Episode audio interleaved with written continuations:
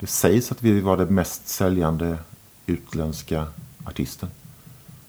Tre år efter vi startade bandet så säljer vi mer än Michael Jackson och Madonna i Japan.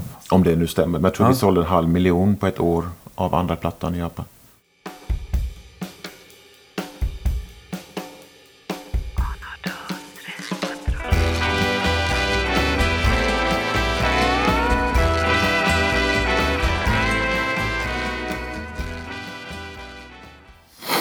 Pratar vi så här. Du, Ja. du har ju sån härlig radioröst också. Jag vet inte, jag tycker inte om en röst men det är väl så det brukar vara. Det är ingen som gör. Nej, exakt. Jag lyssnade på, det var någon Mossad Värve typ med, det var både hon med Linda Kinnaman och Eva Röse som hade så jävla snyggt eh, skolade röster. Ja. Och även eh, Lill Lindfors var också så här, man, man borde kunna hyra Lill och prata till söms. Mm. Så man fick sån här trygghetskänsla. Mm. Mm. Kanske kan... eh, Vänta på den kursen. Eller eh, be henne liksom bara läsa in en bok eller något. Det hade jag velat. Men du, du verkar ju väldigt så här lugn och trygg. Och, Mm, jo. Det får jag nog säga. ja, Jag har inget problem med att göra intervjuer. nej, vad skönt. Alltså det, är, det är ju kul att prata. Eh, speciellt om det är saker som, ja, men som rör musiken Mm. och inte allt runt omkring. Eh, sen kanske jag inte vill lyssna på det själv liksom, för att jag inte gillar min röst. Men jag kan ju leverera så får någon annan lyssna. Ja, jag tror du ska lyssna. Vi har, vi har gjort 50 sådana här nu. Mm. Och alla är väldigt intressanta. Mm, jag har hört kanske tio av dem. Ja, Eh, för jag dök nog på det. Ja, jag behövde några nya poddar att Mm. lyssna på. Och sen så sökte jag väl i musikgenren och hittade denna. Och jag tycker det är så sympatiskt att det är. Eh, ja, men att det var först trummisar och sen andra rytmsektion personer som får komma till tals. Liksom. ja. Eh, I andra medier så är det väldigt mycket sångaren eller bandledaren som bara är intressant. Och då är det den personens eh, historia som blir liksom sanningen. Mm. Och, ja, men det var lite så vi tänkte, eller det så jag tänkte när jag så här, började någonstans. Mm. Och alla har ju en, alla har ju en bra story. Eh, alltså har man varit levt några år så finns det alltid mycket kul Ja, men att ta på. absolut. Ja, fullständigt. Och, och är man då musiknörd som eh, du och jag kanske är Mm. på något sätt. Mm. Du skrev ju till mig och frågade om en låt som Silversurfaren hade med. Ja, det var så ja. Just det. Just det. För jag träffade min gode vän Martin Hederos idag. Som också varit här. Mm. Eh, och så, så pratade de om hur jag hade kommit i kontakt med dig. Men jag kommer inte ihåg hur det var. Men där har vi det. Ja. Det var ju det. Det var sur surfaren. Ja. ja. Jag har inte tagit mod till mig att skriva till honom. Men om man hör detta så får han ju gärna hojta. Mm. Vi kan skriva till Johan sen. Ja, det gör vi. Mm. Det var en väldigt bra låt i alla fall. Det var också en fantastisk dokumentär om Dag Vag. Mm. Det var nog samtidigt som jag lyssnade på, jag upptäckte eh, din podd. Ja. Eh, för jag har aldrig lyssnat på dem. De är lite som, jag var lite för ung för den vågen. Det var en väldigt fin dokumentär. Mm. Mycket kärleksfullt gjord. Ska vi hacka igång eller? Ja, jag är redo. Mm. Snabbfrågor. Ehm, jag spelar för livet. Vi börjar. Ja, Välkommen hit Magnus Svenningsson. tack så mycket. Jag är jätteglad att du är här idag. Mm, tack, jag är glad Ja. att jag är här och att jag Ja. står upp. Ja. Eh, fint att vara här.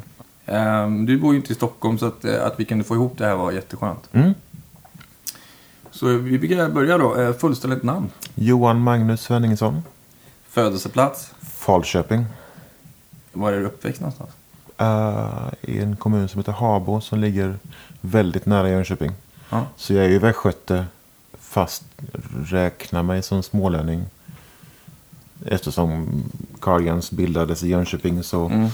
ses vi väl som smålänningar. Men ehm, ehm, en bomb briserade när jag faktiskt outade att jag egentligen var västgöte. Eh, de andra blev chockade i bandet.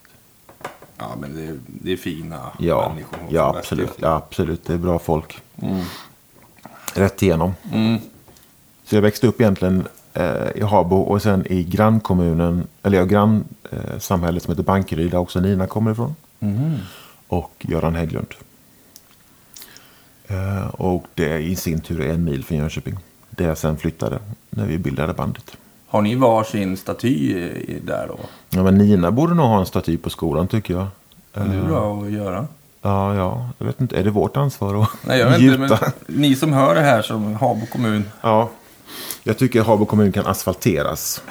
Eh, jämnas med, göra någon slags eh, övningskörningsplats. En halkbana kanske. Halkbana. Ehm, Var det inte kul att växa upp där? nej, jag hade en ganska dålig skolväxt. Eller skoluppväxt. Eh, och Nina vet jag, hon... Nina vart... eh, hon är två år yngre än jag, men vi gick ju på samma högstadieskola. Eh, och jag tror hon... Jag var, hon var nog inte antagen till skolkören när hon gick då på högstadiet för att hon... Jag vet inte om hon inte sjöng på det sättet som musikläraren tyckte liksom. Han var så en liten fräckis kille Ja. frikyrklig fräckiskille. Um, så jag vet inte om han jobbar kvar. Gör han det så får vi nog ingen staty upprest efter oss. Ehm, men i alla fall, Nina gick på samma högstadie. Vad är ditt första musikminne när du var liten? Mm. Jag tänkte på den frågan för jag har ju hört att den, den kommer som standardfråga. Och jag måste nog ändå säga Elvis. Eh, mamma och pappa hade inte så mycket plattor. Jag kan bli avis på dem som hade föräldrar som hade liksom ett stort eh, musikintresse och som själva spelade. Och, ja, jag kan tänka mig till exempel Lykkeli måste ju haft ett helt annat helt annan uppväxt med surfaren som pappa än jag hade. Men eh, det fanns en samlingsplatta med Elvis som jag spelade väldigt mycket när jag var liten. Och typ Boppers kanske. Eh, Grease. Ja men typ sådana grejer. Ja, det var det man hade att tillgå. Ja men, ja, men typ, vi bodde ju liksom på landet. Ehm, och det måste tagit ett år i alla fall för alla trender att komma ut dit. Tänker jag liksom. Speciellt eftersom min- mina föräldrar inte var ja, men liksom skivkonsumenter på så sätt. Eh, så jag får nog säga Elvis. Mm. Honom kommer jag, tycka all, kommer jag alltid tycka om. Jag med. Vad var det som var, var det att han såg fräck ut, att det var bra låtar och rockigt eller vad var det? Ja, men, men typ som jag kommer ihåg Devil in Disguise till exempel. eh, Suspicious Minds. Uh, av de där låtarna liksom. Det är, det bara så jävla bra. Ja. Det är det fortfarande. Ja. Eh, att han fortfarande är så underskattad fast han är den största som någonsin har funnits. Jag kan inte påstå att jag lyssnar på det nu, men Nej. skulle man gå tillbaka till någon kärna, att, sådär, när frågan kommer, så är det ju fortfarande liksom en central figur. ja, det delar du med ganska många i den här serien faktiskt. Många säger Elvis. Speciellt eh, folk som är födda runt 70, Mm, 72 där. Det var han som var Ja, då. ja men han, han han måste ju ha funnits i väldigt många skivsamlingar också. Eh, så till exempel mina föräldrar hade nog inga Beatles-plattor överhuvudtaget. Det hade ju lika väl kunnat vara det. Ja. Eller Stones, men det fanns inte. Så det var kungen. När du själv sen började köpa skivor och så här, vad, vad köpte du då och vad lyssnade du på då? Mm. Ja, men om, man, om vi passerar Elvis och Boppers. Eh, så jag kommer ihåg typ när jag var tio kanske. Så fick jag någon slags hårdrockssamlingsplatta av min kusin upp från Stockholm. Här uppe från Fräckestan. Han tyckte väl att det var dags för mig liksom att gå in i vuxenvärlden. Ehm, det var nog 82 kanske. När jag fyllde 10. Så då fick jag någon samlingsplatta och då, ja, det var Lizzie och uh, Sabbath, Deep Purple kanske och sånt på. Uh, och först tyckte jag nog att det var lite sådär, oj, shit, det var ett stort steg att gå ifrån freestyle och boppers till hårdrock. Men det blir det sen liksom. Uh, men första skivan. Mm. Jag vet inte riktigt. Men jag kommer att den samlingsplattan jag fick i julklapp i alla fall måste vara den första liksom vuxenmusiken på något sätt. Liksom. Eh, Men när du valde själv sen, vad, kommer du ihåg något som du valde? Uh, nej men typ sådär. När jag var 12 kanske så kom hela Twisted Ja. Sister-vågen. och sen. Jag kommer ihåg det det var en sån mm, Lizzy eh, liveplatta. Den gjordes den sista. Live. live. När de hade med alla gitarristerna eh, på scen samtidigt. Mm. Eh, så jag gillade jättemycket Lizzy-grejerna. Eh, och Deep Purple. Gammal AC/DC. Mm. Motorhead. Det är bra skola tycker jag. Ja, men det är ju det. Eh, och det kan jag, jag kommer ihåg jag såg någon, det kanske var tio år sedan, men det fanns någon Classic Album DVD med, kan det vara In Rock kanske? Eller Machine Head med Deep Ja. Purple. Där det var live-klipp ifrån Deep Purple 71 eller någonting. Ja. Ian Gillan såg ut som en korsning mellan Chris Christopherson och han hade samma jeansuniform som, Bob Ja. Mar- som Bob Marley också hade. Ja. Liksom, och liksom, hade bara sån sjuk kraft i den musiken. Mm. Hon lirar ju så det bara... Ja, man ville bara lägga ner Mm. om man har sett det. Ja. Så eh, ja, det gillar jag extremt mycket. Så det, jag var liksom hårdrockare fram till jag var kanske 15, 16. Blev du syntare sen då eller? Nej, ehm, jag kommer nog ihåg... Uh, när kan Appetite for Destruction kommit? Var det 87? 87 eller 86 va? Ja. Ja. Jag kommer ihåg att det var sista hårdrocksskivan som jag verkligen gillade. Mm. Ehm, och sen bara kände jag att ah, men nu, det här tåget är liksom... Det här ger inte mig någonting längre. Nej. Jag tyckte nog att det började kännas lite infantilt. På något sätt. Och menar, det är ju, hårdrocken är infantil på gott och ont. Liksom. Mm. Det är väl meningen att det ska vara liksom... eh, ett visst mått av löje på något sätt. Mm. I alla fall i pudelrocken. Ja. Eh, så då var jag nog lite vilsen ett tag. Men sen så kom jag fick uh, kassettband. Jag skulle vara, um, jobba på Kollo i Halmstad en sommar. Så fick jag kassetter med eh, Cure, olika plattor. Och blev liksom helt förhäxad av Disintegration-skivan. Det var nog först 89 kanske. Eh, som förändrade hela mitt liv. Så ifrån hårdrocken till svartrocken och Mm. eh, Cure var liksom en lämplig eh, trampolin in. Fasiken. Mhm. Så jag kom- när vi eh, för, vad är det nu, fem år sedan. Så gjorde vi live comeback på Hultsfred när de här Scorpio, tyskarna, skulle ta över festivalen och rädda den. Mm. Och då delade vi ju scen med Cure på den stora, vad heter den, Hawaii eller Pampas. Ja, den största scenen. Så då var det två av medlemmarna som var uppe eh, under eftermiddagen och kollade sina grejer. Så vi våg- vågade liksom gå fram och säga att ja, men utan er grabbar så hade vi inte stått här. Och de tyckte väl som att ja, de vred lite på sig och fnissade lite förläget. De hade väl hört det massor med gånger tidigare. Eh, men icke desto mindre var det ju sant liksom, att de förändrade hela mitt liv. Eh, skulle de ha cred för. Fan fint att du sa det. Mäktigt. Ja, och sen vart vi, sen vart vi uppbjudna till att se gigget från sidan av scenen som de enda. Eh, så det var ju liksom, jag fick inte träffa Robert Smith och det var nog lika bra för att jag hade inte haft något vettigt att säga ändå. Utan det var keyboardkillen och uh, trummisen. Men ehm, jag tänker, men har man chansen att säga så är det väl bara att göra liksom. Ja. Och de hade väl hört det tidigare och man kan inte riktigt ta till sig det liksom. Att, Nej. Att det man själv har gjort har påverkat någon annan. Vi har ju hört det också såklart av många andra. Och man, Ja. man sådär, ah, men inte ska du. Sådär. Man tycker man blir lite förlägen. Hur känner du när folk säger så till dig? Ja, men jag, jag är svårt att ta in det. Alltså, det är ju trevligt. Och jag blir glad att någon liksom... eh, generellt är man väl för dålig på att credda varandra. Tycker Mm. jag liksom att... Om du blir berörd av någonting så är det bara att säga. Eh, folk bits ju inte i allmänhet. Eh, och, men jag kan nog inte liksom... På samma sätt som, som jag hade liksom en stor omvälvande musikupplevelse med Cure så har jag svårt att förstå att våra musik kan ha samma eh, betydelse för någon annan.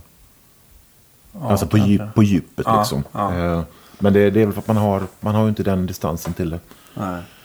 Ehm, Men det är ju det som är så magiskt med, med musik. att eh, jag hörde någon, det var någon, någon bekant i Malmö som var liksom ett stort Depeche Mode-fan eh, när han växte upp. Och hade alltid drömmen att besöka deras, platsen där de startade bandet. Som heter Basildon tror jag, utanför London. Och han hade liksom målat upp det att det skulle vara något Shangri-La-liknande område liksom. Och man skulle känna Depeche Modes eh, ande över stället. Och tog liksom tunnelbanan eller om det var pendeltåget ut från London och hamnade liksom i, ja men för Malmöbor så kanske man kan säga Kroksbäck. Så kanske man förstår, eller jag vet inte här vad det skulle vara, Rotebro kanske. Ja. Och bara så, jaha. Det var ju liksom bara ett helt dött ställe. Det fanns ingenting som överhuvudtaget motiverar att någonting av värde skulle kunna ha startats där ute. Inga statyer där heller. Nej. Eh, det var ett tomt eh, torg liksom. Och något, eh, ja, det var bara helt dött. Men det var ju fyra personer som startade bandet som kom från samma ställe. Liksom. Så med tristessen och en källarlokal brukar ju räcka för att få saker och ting gjorda. Det är många band som har blivit till så. Absolut. Och det, tristessen är väl liksom en jättebra faktor för att få saker och ting gjorda. Mm. Oavsett vilken, eh, vad man håller på med. Mm. Eh, och det är väl antagligen, det måste vara en majoritet av musiker som kommer utifrån bygderna liksom. Som har suttit och haft det väldigt tråkigt. Eller cyklat väldigt många mil för att det ska hända någonting liksom. Eh, Eller hänga utanför kiosken. Titta på om det kommer någon bil. Som kanske har någonting på gång liksom. Eh, Men du är också från landet så Ja. du, vet, du vet ju Ja. liksom. Drömmarna av att få skapa någonting. Liksom, Man inser att man är långt bort ifrån eh, centrum. Ja. Man är perifer. Men när började du spela? Mm, jag var trummis när jag växte upp. Så att invitationen hit till podden är ju, är ju Du är som trummis idag. mer berättigad. Ja. Ja. Välkommen. Eh, tack. Så jag spelade ju liksom på grytlock och kastruller som alla andra trummisar när jag var liten. Slog liksom på allting. Eh, och fick nog mitt trums, första trumset när jag var kanske gick i tvåan. Vi bodde på landet så jag kunde faktiskt banka på ganska rejält. Och så min syrra var punkare så jag kommer ihåg att jag spelade till 999 och eh, Sex Pistols. Eh, ja, sådana grejer. Var det hon som sa åt dig att det här är bra musik, det ska du lyssna på? Um, nej, men hon måste ha varit en influens. Det är ju flera andra här i podden också som har berättat om stora syskon som har fört in det liksom. Så på ett sätt så att jag hörde Nevermind the Bollocks kanske när jag var åtta liksom.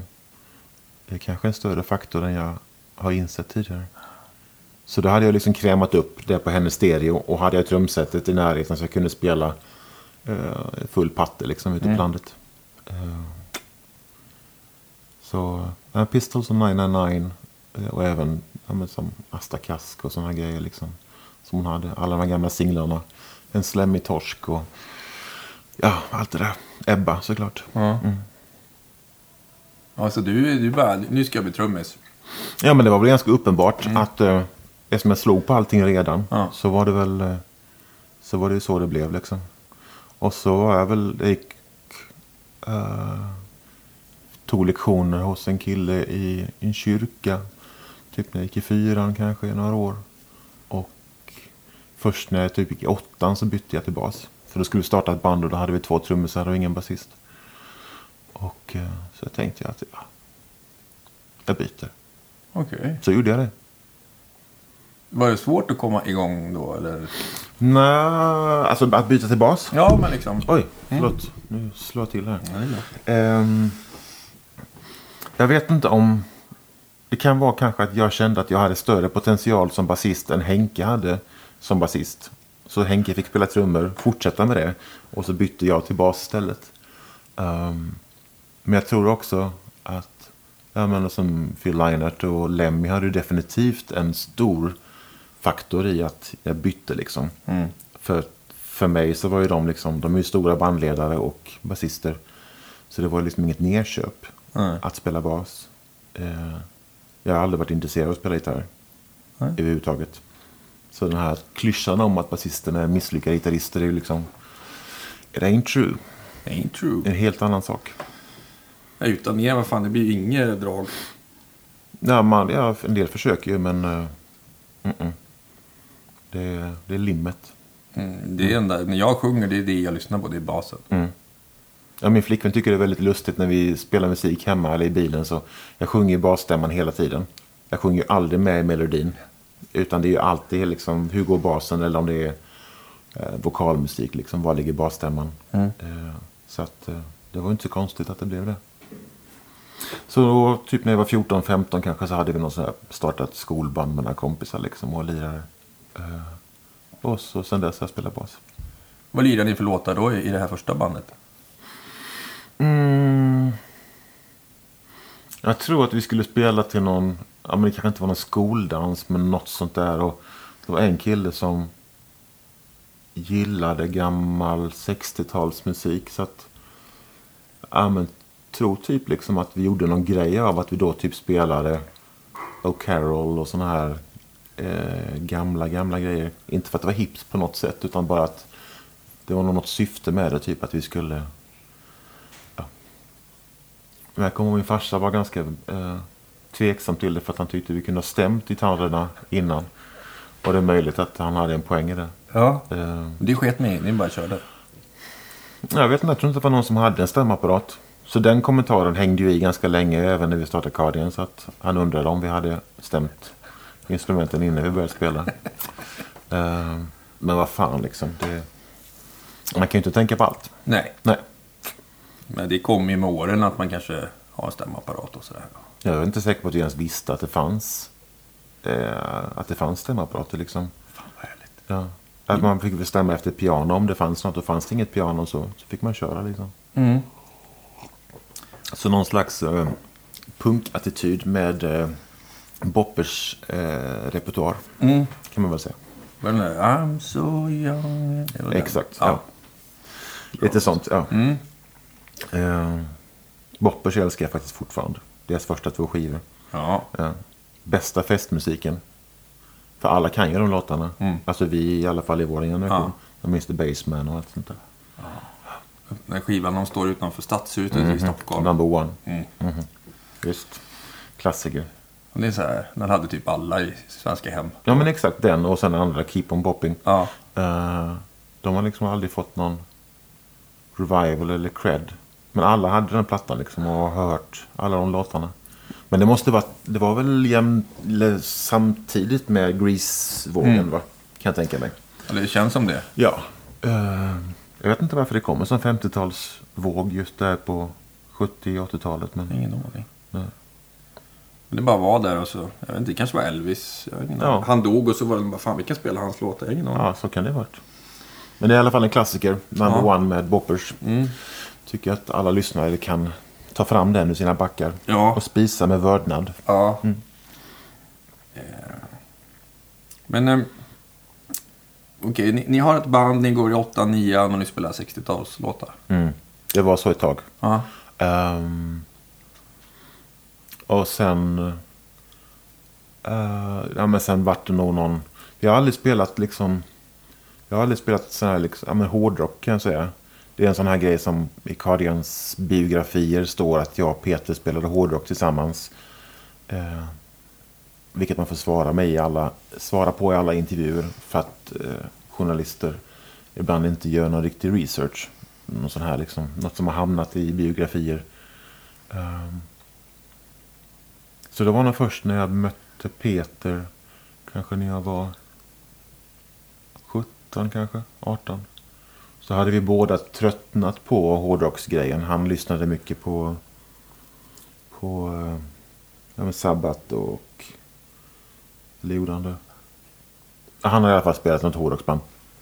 Och jag tröttnade på min då med Appetite for Destruction. Ja. Och så träffades vi och så hade vi, jag hade väl upptäckt Cure och han... Jag kommer ihåg han lyssnade på något band som heter Dolkovs från Malmö och The Wonder Stuff och sådana här grejer. Och sen upp kom hela Manchester-vågen med Stone Roses och Charlatans. Så jag, Peter och några till startade eh, band ihop. Eh, och så höll vi på något år och liksom... Jag och Peter har alltid varit som storebror, och lillebror. Liksom kivats och varit som bröder och kivats och varit som bröder. Ehm, så höll vi på kanske i två år till dess vi kom på att nu ska vi starta ett nytt band med en kvinnlig sångerska. Eller en sångerska. Och ehm, så Peter fick bara spela gitarr. Och eh, så träffade vi Nina. Och det var 92. Så då var jag 20. Och vad var planen? Vi startar ett band och får vi se vad som händer eller? Mm, ja, men det, på något sätt tror jag att jag och Peter, vi hade ju kanske spelat ihop i två år sedan tidigare och var liksom väldigt tajta och drivna. Så trots att det inte fanns några role models i Jönköping överhuvudtaget egentligen. Det fanns ju inga band som hade lyckats eh, ta sig någonstans egentligen.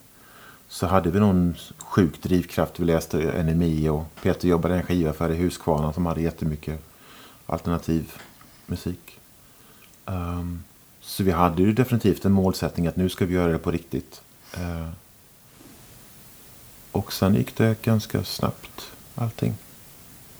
Och vi startade oktober 92 och fick skivkontrakt typ sommar 93. Hur, hur gjorde ni då? Skickade ni någon demo då? Mm, vi... Eh, det var ett litet bolag i eh, Linköping som signade oss. Men vi hann inte spela in någonting för det bolaget. Eh, eller släppa någonting. Innan eh, Stockholm Records Universal tog över kontraktet. För de hade någon slags samarbete. Eller någon option eller så. Eh, vi fick, vi skickade demos till, jag kommer vi spela på samma festival som Docenterna 93 och de var helt knäckta över våra låtar. Fast vi såklart var väldigt ofärdiga på något mm. sätt. Och sen tror jag vi skickade ner någon kassett ner till Tambourine Studios i Malmö för att vi älskade Eggstones första skiva in San Diego. Som var en jättestor inspiration för oss.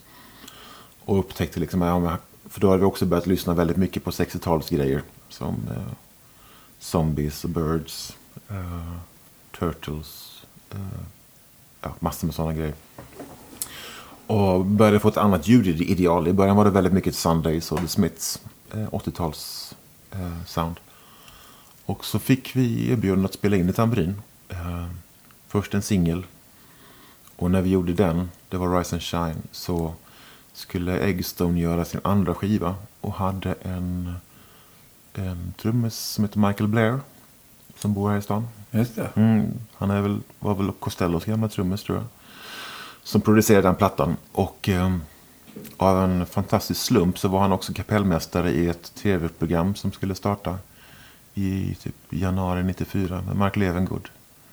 Så vi var nog med i premiärprogrammet tror jag. Som heter Mark och hans vänner eller Mark ja. och hans grannar. Där de hade som deal att det skulle vara en etablerad artist och en helt okänd. Och sen lite talkshow. Mm. Så det var väl vi och Anneli Redé och Torgny Mogren tror jag som var line-upen. och då hade inte vi, alltså vi hade ju kanske ett, på pappret hade vi ju ett skivkontrakt med det här lilla bolaget från Linköping. Men eh, Michael Blair tyckte så mycket om Rise and Shine så han hade föreslagit det till eh, redaktionen. Att eh, det här är ett band från Jönköping här som har en bra singel. Så vi varit inviterade att, eh, att eh, playbacka på bästa sändningstid eh, utan skivkontrakt. Eh, och dagen efter så var det fem eller sex bolag som ville ha oss. Och då var då Universal, eller Polygram, tog över kontraktet från Linköpingsbolaget. Och då fick vi garanti av Tambourine Studios att spela in. Vi hade nog kanske börjat också spela in första skivan på krita. För de var säkra på att vi skulle få bolag, eller att vi skulle bli signade. Eh, för de såg kvaliteten i vad vi gjorde. Ja, kul. Så det är ju liksom om man tänker på hur svårt det är att, att nå ut i bruset. Det fanns ju liksom, jag vet inte om det fanns mindre musik då, men det fanns också färre kanaler att, eh, att nå ut i. Så att, att få spela klockan åtta på en fredagkväll ett helt nytt program som attraherar två miljoner tittare om man inte har en promotionavdelning bakom sig. Den är ganska svår. Men där var vi. Det hände liksom. Så då från att vi var liksom ett litet band så blev vi plötsligt plockade upp till, till Polygram. Och eh, vi signade liksom. Kunde ni ställa krav då? Så här, vi vill ha förskott, vi ska ha limousiner och, eller ni tänkte inte så? Nej, alltså nej, det tror jag inte. Eh, vi fick nog bara sånt vanligt standardkontrakt. Så vi har inte liksom... 90-talet tjänade vi inte jättemycket pengar på vår skivförsäljning. Nej. Uh, men å andra sidan när vi skrev kontraktet så var det ingen som visste att Love Fool eller My Favorite Games skulle bli skrivna heller. Uh, utan vi var ju liksom som vilket annat indieband på 90-talet. Mm. Alltså som Cloudberry Jam eller Pine First Crunch eller de här som fanns liksom. De coola banden var ju på, te på Telegram som Popsicle. Och även på MLB då med Wanna Dice och Eggstone. Så vi hamnade på det ocoola Stockholm Records som hade Stackabo och E-Type. Men då hade, jag vet Peter sa att han, vi fick ju erbjudande då att spela, eller vi fick ju välja mellan fyra eller fem bolag. Och redan då visste Peter att Stockholm Records var ägt av Polygram. För att han jobbade på skivaffär tror jag. Så han var liksom strategisk fast han bara var 18 år. Och insåg att det bättre var på en major label än på en mindre label som måste söka eh, dealar för varje land. Eh, synkar med olika territorium. Mm. Så därför valde vi bort MNV och eh, Telegram och gick till den ocoola labeln. Så det var det enda popbandet de hade, Stockholm Records. Allt annat var ju dansmusik. Det var ju strategiskt eh, genialiskt. Han är också yngst i bandet. Och i det fallet smartast. Kanske inte alltid smartast, men men just där och då. Ja. Så det var liksom vi, det var vi, jag kommer ihåg vi var på, det, Stockholm Records hade någon eh, fest den sommaren vi blev släppta. Så var det vi, Atomic Swing hade man också på Sonett. Eh, och sen var det liksom Army of Lovers, E-Type, Stackabo. Eh, ja, sådana grejer. Midimax i efter kanske. Sådana. Ja. Cool James och Black Teacher. Mm. Eh, så det var ju väldigt udda val. Men det var ju, visade sig det var ju helt rätt. För att eh, det tog inte så himla lång tid innan japanska polygram plockade upp uh, singlar från första skivan. Och så började det spridas. Typ hösten 94, 95. Och då har det gått typ två år sedan ni startade bandet. Mm. Så eh, sommaren 94, eh, VM-sommaren 94. Jag kommer ihåg vi hade precis flyttat in i ett kollektiv i centrala Malmö. En femma, en gammal sekelskifteslägenhet. Och så kollade vi på landslagets matcher ifrån eh, USA, fotbolls-VM. Och hade precis släppt första skivan och gjorde gig. och Kuskade runt i en Toyota-buss. Eh, vår trummis Bengt körde. Och ja, men spelade på lite småfestivaler här och där. Emmaboda. Eh, Trästock uppe i Skellefteå och lite sånt där. Så började det ta fart. Och sen började vi göra vår andra skiva ganska snart efteråt. På hösten. Och då började det liksom komma japanska tv-team till vårt kollektiv. Och det var ju väldigt märkligt att plötsligt så står det tio stycken japaner och ska liksom filma oss i våran, som de tyckte, typ Monkeys eh, tillvaro. Det var ju väldigt exotiskt att man överhuvudtaget kunde bo på 190 kvadrat eh, som japan. Mm. Eh, och, så de tyckte väl liksom att den här eh, retrostilen som vi hade liksom med lite, ja att vi spelade in i tambrin på gamla instrument och rullband och shoppade på myrorna var liksom superexotisk. Och då bara, det var som att stjärnorna stod helt rätt. Att det var, det var en sån trend som kom där i Japan med som vintage-doftande pop liksom. Och Eggston var definitivt med i den vågen. Atomic Swing också. Och sen bara fortsatte det. Så 95 var jättemycket i Japan och spelade. Och det sägs att vi var det mest säljande utländska artisten. Så då, ju- tre år efter vi startade bandet så säljer vi mer än Michael Jackson och Madonna i Japan. Fan, alltså. Om det nu stämmer. Men jag tror Ja. vi sålde en halv miljon på ett år av andra plattan i Japan. Eh, och då var det verkligen liksom sån här Beatles-hysteri där borta när vi, eh, när vi blev förföljda av mopeder liksom från radiostationen tillbaka till hotellet för att de skulle avslöja var vi bodde och liksom jättemycket autografjägare och folk som skriker och mycket, mycket konstigt. Hur tog ni det då? Ja, men vi tog nog alltså, jag vet inte. Vi hade någon, ingen av oss hade väl någon storhetsvansinne utan man har väl, jag vet inte hur, hur man tar det egentligen. Alltså, vi, vi är ju väldigt unga. Och det var väldigt, väldigt konstigt att komma från Malmö där, alltså i Malmö får man inte ha någon stor hatt på sig. Nej. Det är ju verkligen liksom äva det och då. Eh, Heter man inte Wilmer så fanns man inte i Malmö på den tiden. Och sen blev vi fly, flögs vi till Japan där vi förutsattes vara popstjärnor. Om än väldigt unga liksom. Ja. Och leva upp till den rollen. Så det var nog ganska... Jag minns det var väldigt svårt att, att eh, ja, men hålla hatten på huvudet. Mm. Eh, för att det var två helt olika kravbilder. Så vi kanske var, låt säga att vi var i Japan sju gånger 95 och spelade och ibland gjorde sådana här intervjuveckor. Vi bara satt på ett hotellrum en hel vecka och pratade. Till dess man ville slå ihjäl de andra Mm. och sig själv. Ja. Eh, Så det var väldigt, väldigt extremt. Så vi kanske var det största svenska bandet i den vågen. Men det var ju många andra som fick komma dit och lira också. ja. Det var helt, helt knäppt. Men då åkte ni runt och så var det stadium stort och så. Nej, det började väl på liksom, vad ska man säga, kanske 500-700 kapacitet på klubbar. Eh, och Japan spelar man alltid klockan sju på kvällen. Vad bra. Av någon anledning. Eh, för sen klockan nio så är det bio. Typ. I samma lokal. Så om vi giggar på en sån 500-700 kapacitetsklubb. Och sen så tar man lite öl efteråt och hänger lite i logen. Sen när man ska då ta sig till hotellet så har det ju liksom, då har publiken bytts. Och det kan vara någonting totalt helt annorlunda i den lokalen. Det finns inga tecken av att det har pågått en konsert där mellan sju och eh, kvart i nio. Oerhört konstigt. Och, ofta kan ju, och sen kan ju klubbarna vara liksom ett komplex där det finns massor med butiker och kontor. och liksom att det, ja, Man åker en hiss upp i ett kontorskomplex och plötsligt är det en klubb där inne där man lirar klockan sju. Uh, ja, konstigt. Men vad skönt för då slapp ni ju vänta så där länge som man ibland gör. Ja, man hann ju inte bli full om man nu hade velat bli full. Ja. Eh, men jättemärkligt och de, trots den här hysterin så... Vi hade i alla fall upplevelsen att, att, ehm, att publiken var så extremt väldresserad. Så att efter varje låt så är det liksom intensiva applåder i ungefär tre sekunder. Och sen är det tyst. Och då Det är är jättetyst. För att de inte vill störa, tror jag. För att Nina kanske vill säga någonting, tänker de. Men Nina är inte så förtjust i att prata mellan låtarna. Så det blir väldigt tyst. Och första gången när vi... Jag kommer ihåg första giget var i Sapporo. Eh, och vi bara så här, hur mycket suger vi egentligen? För att det var så extremt tyst. Eh, och sen fick vi ju lära oss det liksom att...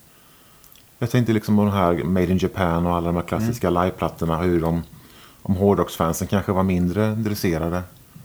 Eller så har de lagt på publikljud mellan låtarna. För att vår upplevelse är tre sekunder och sen... Och vi spelade faktiskt på Budokan också. Det var den största spelningen vi gjorde i Japan. Inför kanske 10 000. Det blir väldigt tyst. När 10 000 människor är tysta. Och väntar på nästa låt. Och också att det är en sån mm, alltså, klassisk arena. Det är ju en kampsportsarena så det finns väl ingenting i byggnaden i sig som motiverar. Men historiken såklart med alla plattor som har spelats in där. Ja. Så var det ju stort för oss. Men också jävligt läskigt när det är så tyst. Tre sekunder applåder och sen... Och det var inte så att ni bara Hello, how are you? Ja, men jo, men det kanske Nina försökte. Men hon har aldrig varit någon estradör. Hon blev här väldigt självmedveten och tycker inte om så här liksom mellansnack och... eh, Och ni sa ingenting ni andra liksom? Nej, jag blev fråntagen mikrofon när jag var långt tidigare. Jag pratade för mycket mellan låtarna för länge sedan. Ehm, så extremt tyst. Men sen fick- man bara liksom leva med det. att De gör det inte för att vara elaka antagligen. Utan för att de väntar på att vi kanske ska göra någonting som de kommer tycka är fantastiskt. Men det var skräckslaget i början. Man hade mycket ångest över sådär, hur dåliga är vi egentligen. Sen vill man ju inte ha någon som skrålar heller, men det ska ju ändå finnas ett givande och tagande. Och, eh, att ha ett mellansnack i Japan är också klurigt för att de är inte jätteduktiga på engelska. Nej, det. Eh, så det är svårt att liksom, ja, men om man vill dra ett skämt eller liksom berätta någonting så, så är man inte säker på att man får så mycket respons. Fick ni liksom tips så här, säg det här på japanska, då blir de glada eller? Ja, men där- ni, vi brukar räkna in låtarna på japanska, det brukar vara populärt. Ichi ni sanchi. Och mycket dom arigato och sånt där. Eh, så det var jättekonstiga år, 95-96. När vi tillbringade så mycket tid där. Liksom att det var bo i kollektiv i Malmö och så. Uh, gick, Superstjärna i Japan liksom. ja. Eh, och från det så började det sen sprida sig lite till Europa. För att jag antar att det är väl också fördelen att man är på en lab, stor label. Att, att de får ju se vad det är som funkar i andra territorium. Så när Japan börjar sälja liksom, om det nu var en halv miljon ex av vår andra platta. Så klart att det rapporteras till eh, eh Europa. Och vi började, vi gjorde någon förbandsturné med Blur. Och lite turnéer i Tyskland och Benelux. Och började bygga där på samma sätt. Liksom man spelar på 500 kapacitetsklubbar. Eh, och började liksom bygga en fanbase. På samma sätt som vi gjorde i Japan. Liksom. Eh, och spela i England. Så det var ju väldigt många sådana drömmar som gick i uppfyllelse. Att jag och Peter hade... Vi hade ju våran liksom målmedvetenhet redan från början. Vi bodde i Jönköping utan att vi visste någonting överhuvudtaget. Liksom. Och sen bara tre, fyra år efteråt så var vi uppe liksom i något slags smör. Var det över det ni hade satt som mål? Så här, vi ska starta ett band och vi ska åka till USA och spela? Eller var det något så här, vi ska spela på... Nej, men jag, ja, kanske lite att vi inte hade några role models i Jönköping. Det fanns inga att jämföra sig med. Men jag kommer ihåg när vi släppte första skivan så sa vi att om vi kunde sälja 5000 så var det stort som tusan. För det var typ vad Egerstone krängde i Sverige. Eh, och det passerade vi ju såklart med god marginal. Eh, så det var nog nästan det enda. Och att spela England, jag vet inte ens om vi drömde. Det var liksom bara...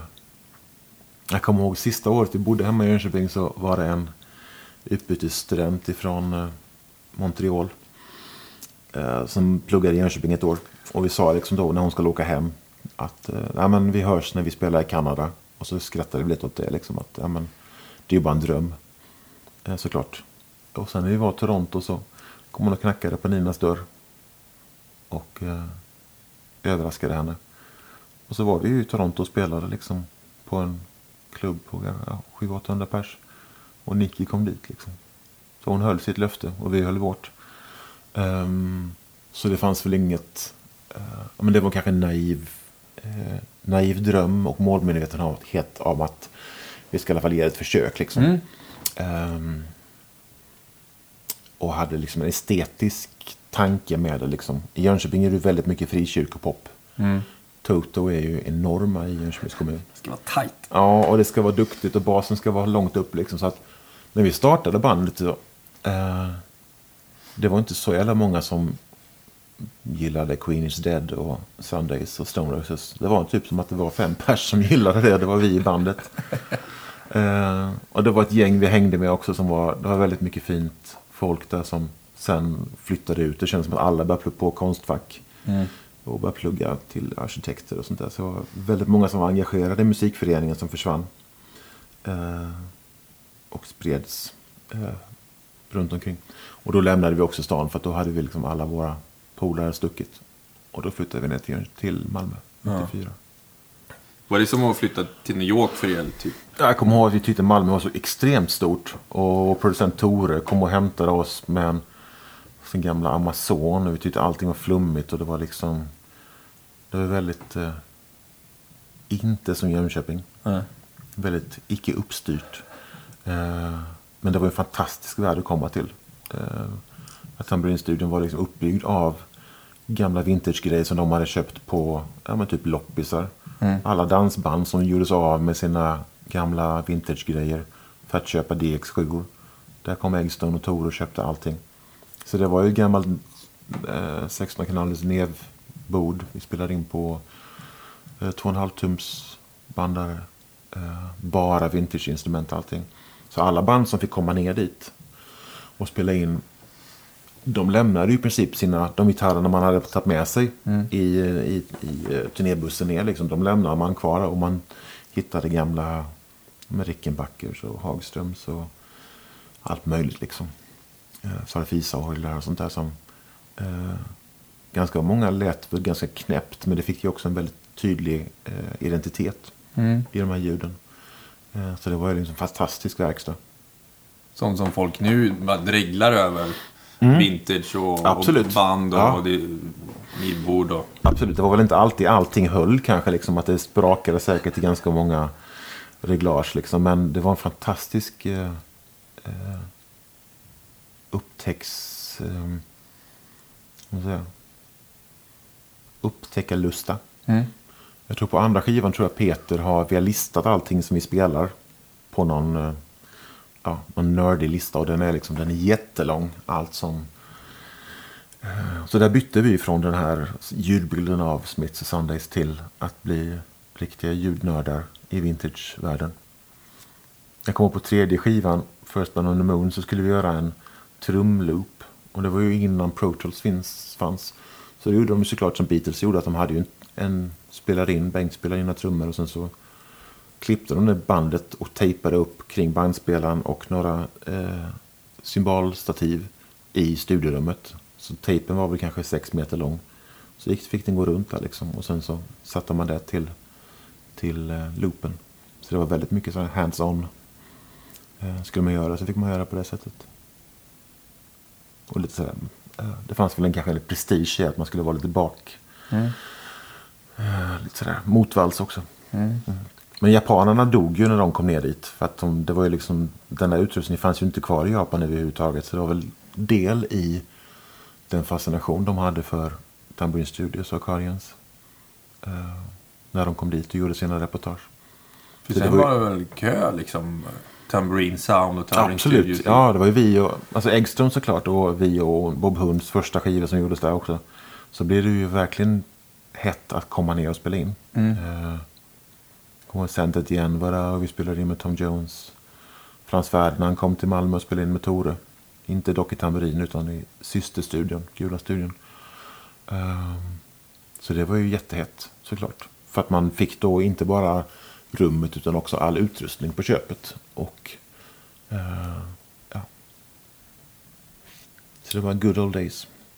Gud, vad nice. Fantastisk tid i våra liv faktiskt. Med den, alla vänner kring studion och eh, det där. Det var helt otroligt. Jag kommer ihåg första gången vi, det kanske var bland de första gångerna vi var i tamburinstudion så höll Bob Hund på att spela in. Det måste ha varit sin första fullängdare. Och vi kom in och det var så jävla mycket bas. Distad Fenderbas. Eh, vi trodde att men nu kommer huset ramla ner. Och sen öppnade de dörren till studiorummet. Och då står Mats Hellqvist där inne. Inne bland, bredvid sin gamla Fender-stack liksom. Om det var kanske eh, länge, länge, länge eller fem meter upp i luften eller någonting. Liksom. Och det var, så, alltså, det var så fruktansvärt högt. Men det var ju också liksom, de krämade ju på. För att, och jag tycker liksom kraften i Bob Hunds musik eh, den finns ju kvar liksom i deras extremt eh, personliga uttryck. Liksom, och då, ja, de gjorde det på det sättet. Mm. Blåser på. Så det var jättestort att få träffa dem. Eh, vi var så unga och små. Liksom. De var så konstiga snubbar från Stockholm. Så det var ja, en parentes.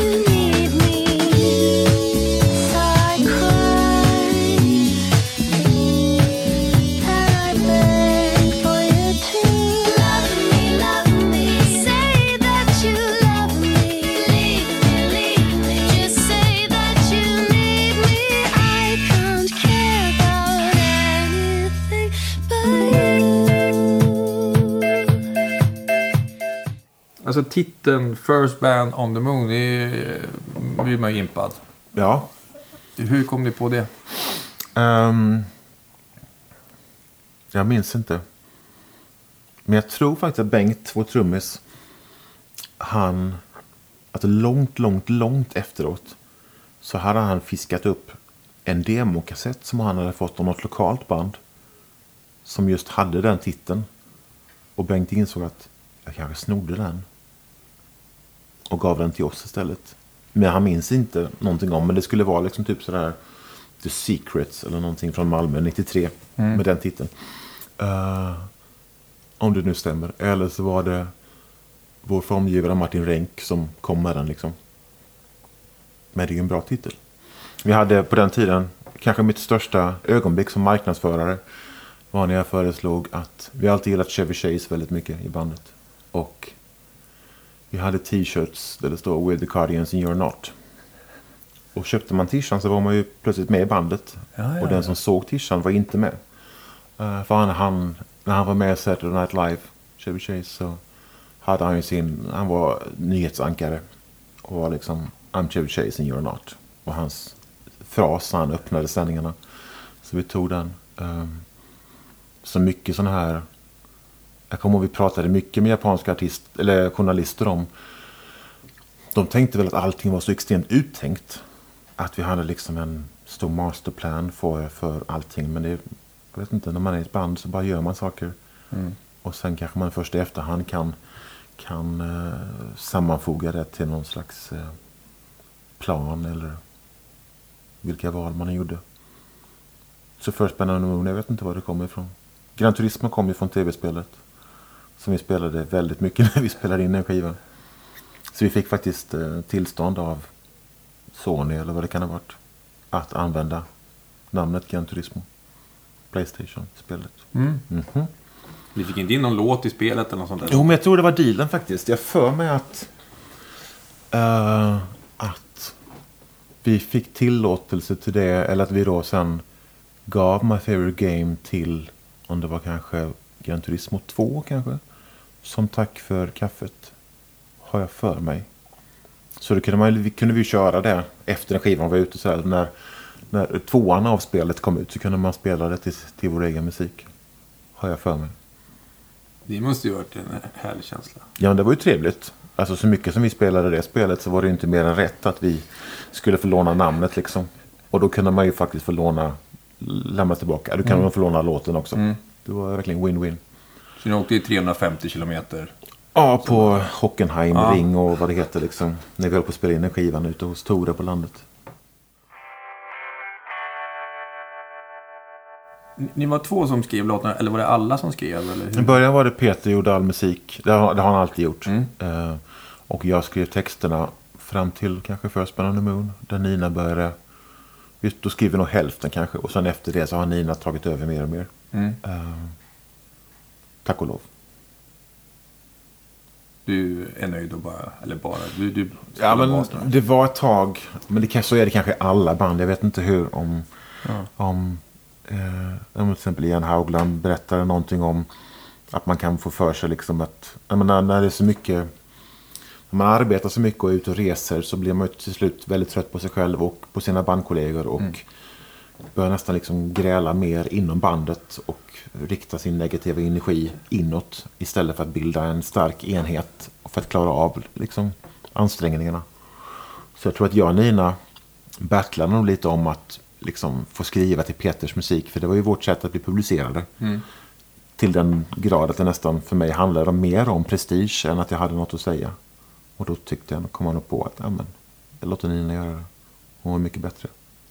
Och Nina hade också uttryckt starkt intresse av att, eller krav nästan, att hon behövde sjunga sina egna texter. Liksom. Mm. Eh, för att hon skulle vilja vara kvar i bandet. Typ.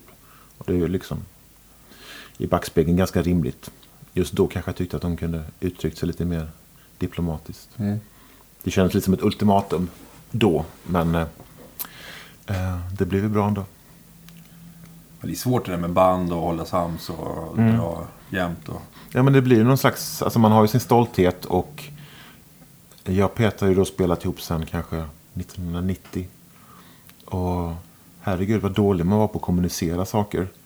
Om man läser alla liksom självhjälpsböcker om KBT och hur man ska liksom, och parterapi, hur ska man säga för att det man vill få fram landar bra hos den andra liksom. Eller vill man starta en konflikt?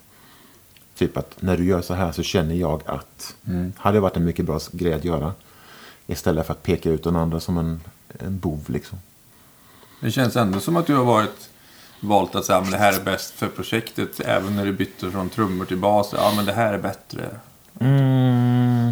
för stunden. Ja, det landade nog där kanske. Jag vet i 98, när- precis när vi skulle lansera Gran Turismo så gick jag in i väggen och eh, var sjukskriven i typ ett och ett halvt år från bandet. Så då hade vi vikarie på den turnén. Och efter det så gjorde jag en soloskiva och Nina gjorde A Camp. Och vi hade en ganska lång paus. Eh, Peter gjorde väl sin skiva som hette Paus. Lämpligt nog. Och det var först kanske 2001 som vi började träffas i bandet igen. Alla lite vinklippta. För att då liksom prata om hur vi ville göra i framtiden. Eh, och då hade det gått sju år där de flesta band och äktenskap upplöses. Och, eh, men så var det liksom vi fick göra terapeutisk, eh, terapeutiskt jobb med varandra liksom, och få ihop bandet. Och där tror jag nu, där fick jag verkligen känslan av att ja, men nu har jag sagt det jag ville säga på min soloplatta. Och nu tar jag en helt annan position. Eh, som du säger, att eh, vara den som stöttar. Liksom. Att, att i alla fall inte kräva att jag ska bli publicerad i text. Utan låta Nina göra det för att hon är mycket bättre. Men det är stort att kunna göra det. Jag menar, det Ja, men jag tror att vi, är- att vi fortfarande finns kvar. Vi lirar ju fortfarande live. Eh, är nog för att vi också har kunnat ta... Vi har sålt så pass mycket skivor så att vi har kunnat ta långa pauser utan att behöva döda varandra. Eh, och eh, även då när vi var alltså mest aktiva. Och därför blev Long Gone Before Daylight till och även Super Extra Gravity. Som var liksom två sladdbarn som ingen trodde skulle bli av. Liksom. Det var jättenära att allting sket sig 98-99. Men så, jag tror alla oss håller Long Gone som vår finaste skiva. Och det är nummer fem. ja. Eh, och det blir liksom vi är ödmjukt tacksamma för att vi fortfarande kunde liksom få vara kvar på skivbolaget och få tid till att göra liksom en platta som jag tror kommer leva kvar väldigt länge. Mm. Det tog ju nio månader att spela in den för att vi kastade det vi började med. Och började om från början efter halva tiden. Oj, Mm. Det är också liksom... eh, det är modigt. Ja, men kommer ihåg, vi, det var då... När vi limmade ihop bandet så var det var ju jättemycket prat om vilken väg vi skulle ta. Och Nina hade ju gjort A Camp-plattan och det var då I Can Buy You och de här Frequent Flyer. Och hittat en annan ton i sin musik och sin röst. Och det var lite det som var trampolinen för oss. Att det är den vägen vi ska gå. Lite åt Fleetwood Mac country-hållet liksom. Eller de klangerna. För Gran Turismo var ju väldigt mörk och mer inspirerad av kanske Radiohead och Depeche Mode och sånt. Uh, och så började vi liksom, vår ansats var att försöka göra en sån Paul Simon, Fleetwood Mac-platta, liksom 70-tals. Den ska vara varm och mjuk och den ska liksom göras eh, på riktigt. Inget klipp och klistra.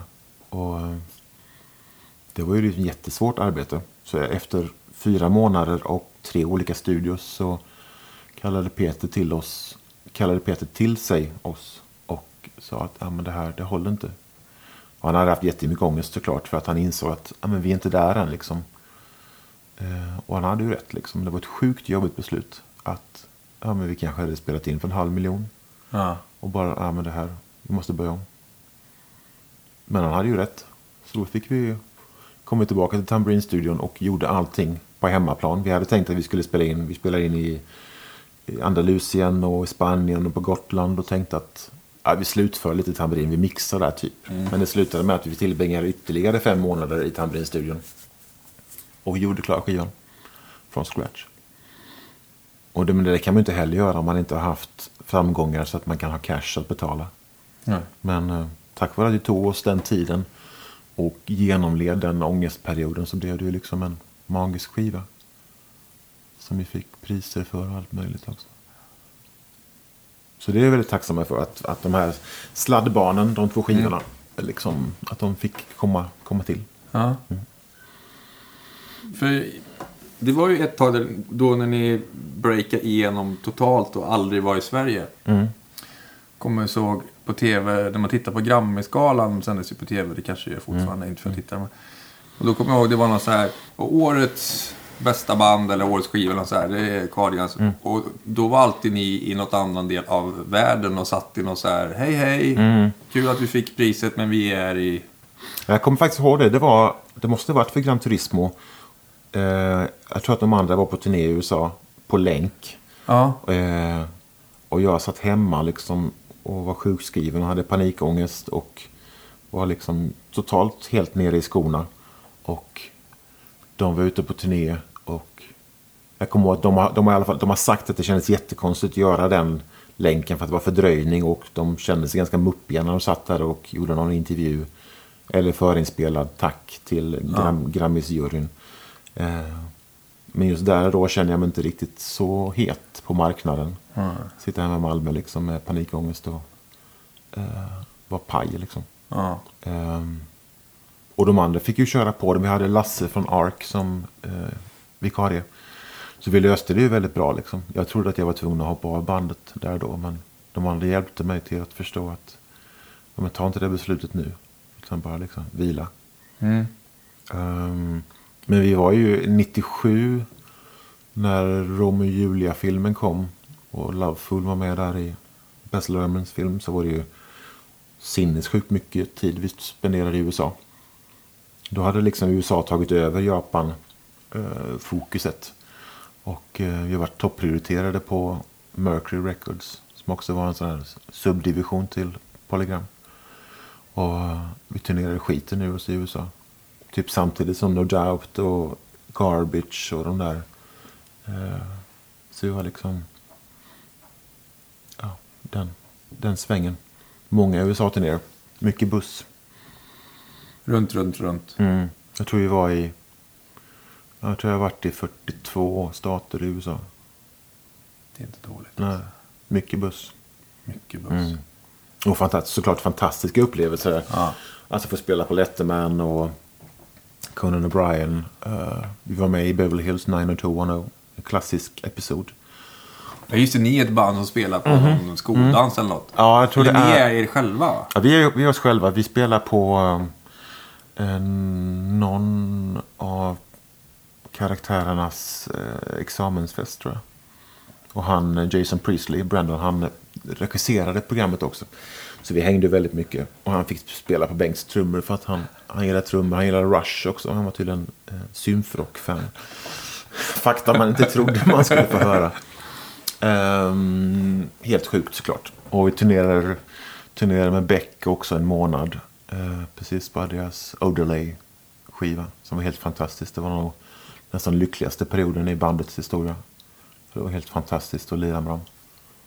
Så det var, där var det verkligen larger than life. Eh, allt som jag någonsin kunde ha drömt om eh, skedde ju då liksom. Men då var vi också kanske borta från, ja, men från Malmö kanske en månad i taget. Och sen var jag hemma en vecka och sen ut igen. Ehm, så det är klart att det där livet hade väl en faktor i att jag sen brakade ihop. Liksom. Mm. Eh, för att jag har alltid varit som trevlighetsgeneral och sociala motorn. Mm. Eh, s- självpåtaget liksom. Den som knyter an till folk och Mm. ser till att eh, man tackar för maten i cateringen och blir kompis med Becks band och ser till att busschauffören tycker om oss. Eh, och så vidare och så vidare. Och så Det är en vidare. skitviktig roll. Ja, absolut. Eh, men Ambassadör för bandet. Absolut. Jag kommer ihåg när vi spelade faktiskt i Budokan så sa skivbolagsrepresentanten att jag var klistret mellan japanska Universal och eh, bandet. Liksom. Så alltid hela tiden se till att vi hade bra omdöme och att folk liksom tyckte om oss. Eh, men antagligen ju mer ivriga var att upprätthålla den rollen desto mindre behöver de andra göra det. Så de blev ju mer och mer passiva i och med att jag var någon jävla trevlighetsminister hela tiden. Eller som en värdinna liksom. Mm. Sådana grejer, på tal om att inte kunna kommunicera eh, om saker. Men det är det är klurigt att vara ett band liksom. Det är ju en familj som sitter uppe i en turnébuss. Och,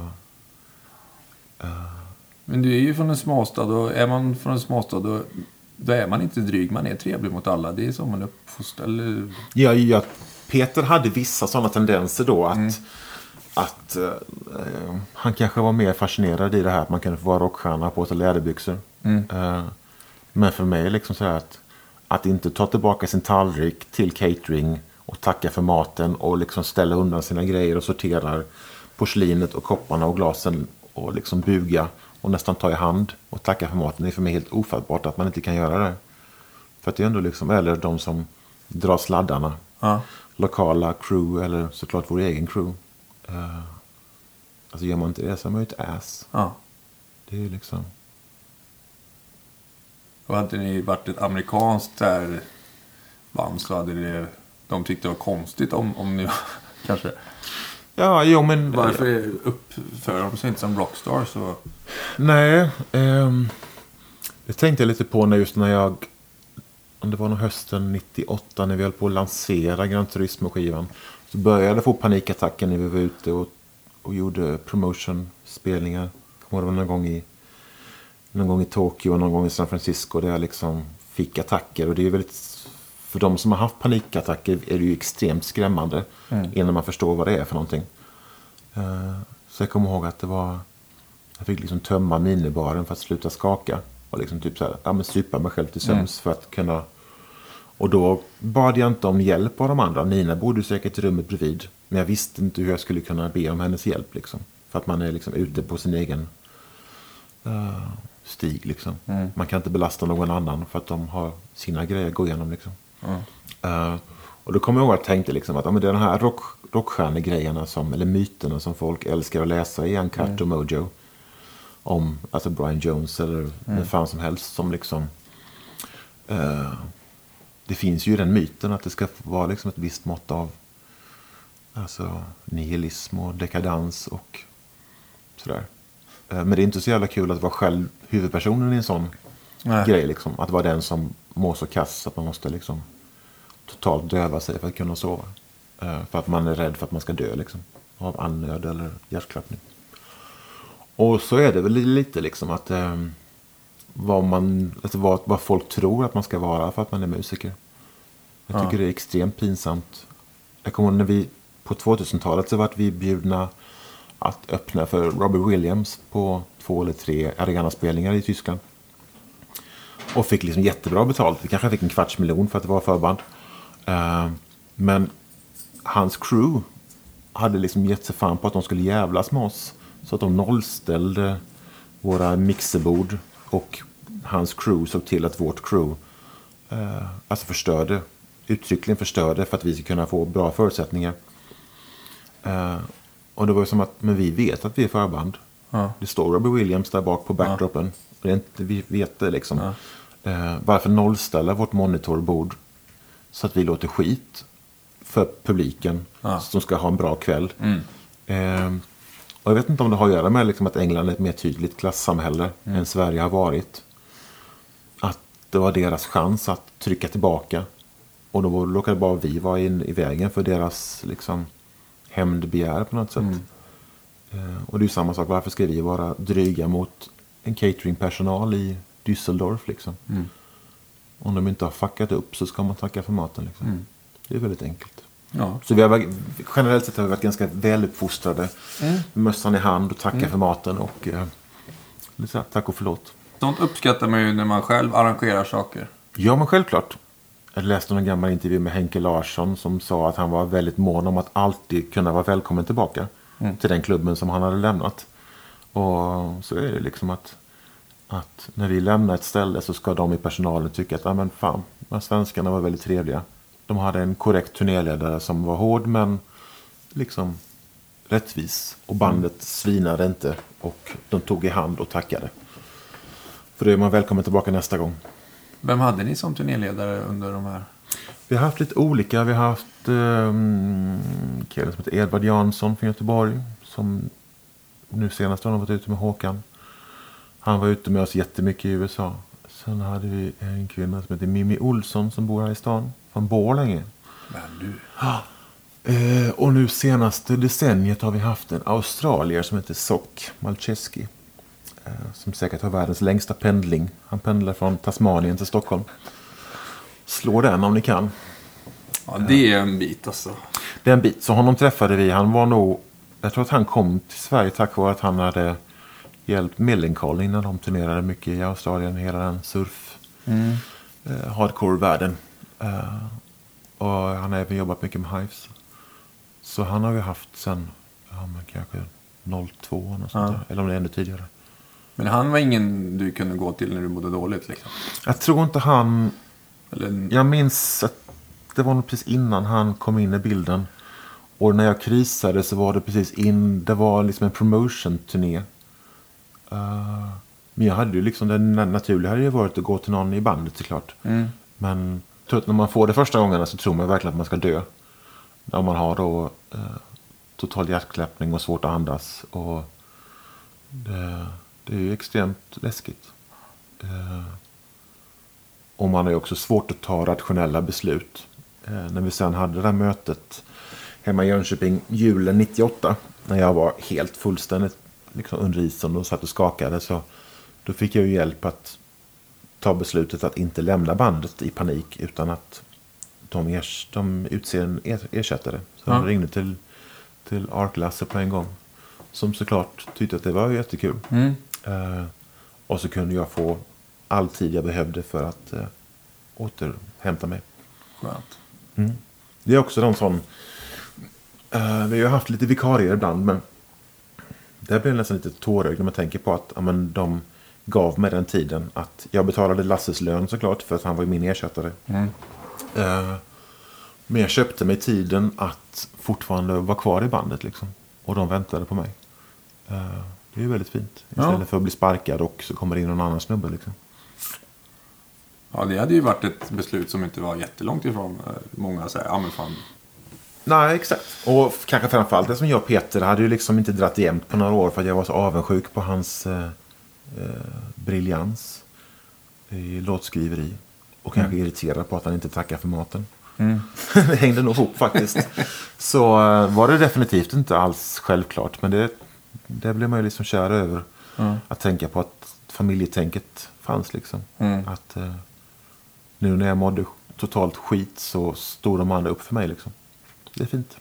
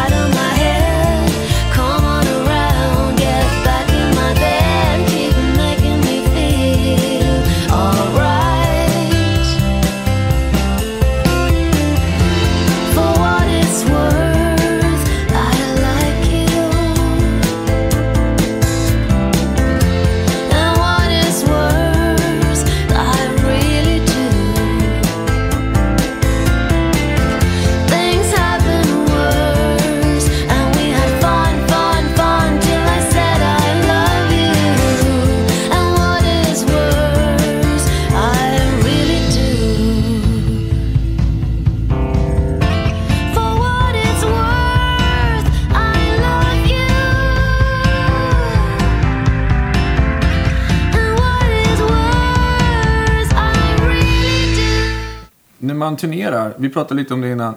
Eh, sova liksom, sömn är viktigt och sådär. Vi pratade om gubblurar och både en och två gånger per dag. Hur fick du till det på ett bra sätt eh, när ni, det är mycket buss tänker jag? Mm. Det var nog egentligen bara första turnéerna i Sverige vi gjorde när vi åkte i minibuss. Sen dess har det varit liksom sovbussar, nightliners. Vilket är ju extremt lyxigt. Så vi har varit ganska bortskämda i det liksom.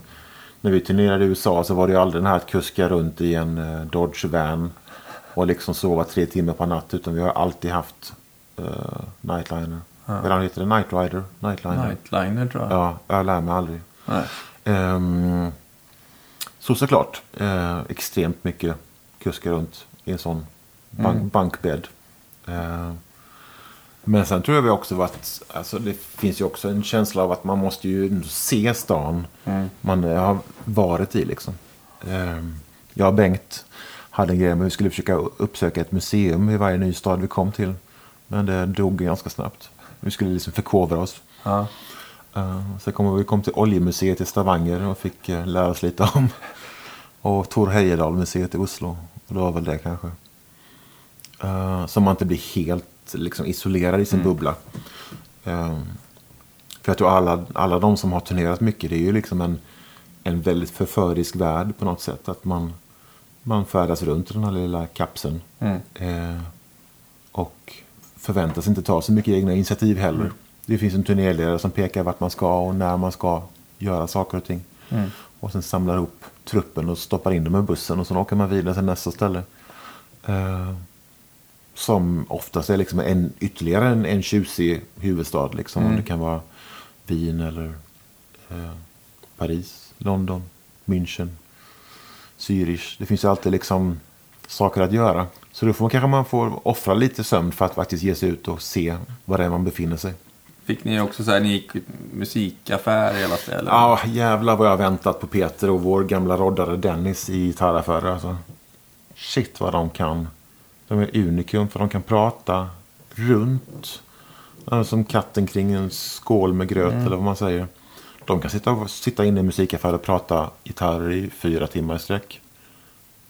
Eh, Medan man själv är klar liksom, med basutbudet ganska snabbt. Liksom.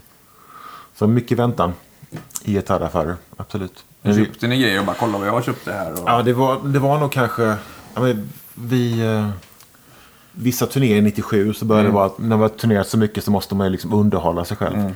Så jag kommer ihåg att vi hade lite sådär shoppingtävling och vår trummis Bengt han vann en gång för han köpte fyra trumkit i en affär på La Cienega i LA. På ett bräde liksom, han köpte fyra stycken. Eh, och då vann han ju såklart. Kanske att Peter köpte dyrare gitarrer men har man köpt fyra trumset så förtjänar man ju liksom ett omnämnande i alla fall. Vart fick de plats? Ja, det undrar jag också. De skeppas väl hem. Nu när vi för något år sedan skaffade vi en ny replokal tillsammans och jag var så extremt arg på Bengt för att han hade ju 14 eller 15 trumset varav hälften aldrig använts. Det var de som köptes i LA på 90-talet. Så att liksom replokalen har ju nu mer varit liksom Bengts trummuseum kan man säga. Än plats att faktiskt skapa musik. Så att eh, några hårda ord fälldes. Ja. Bengt är annars en extremt uppstyrd person. Han är verkligen ordentlig. Men de här trummorna, de bara liksom... Ja, de följer med honom.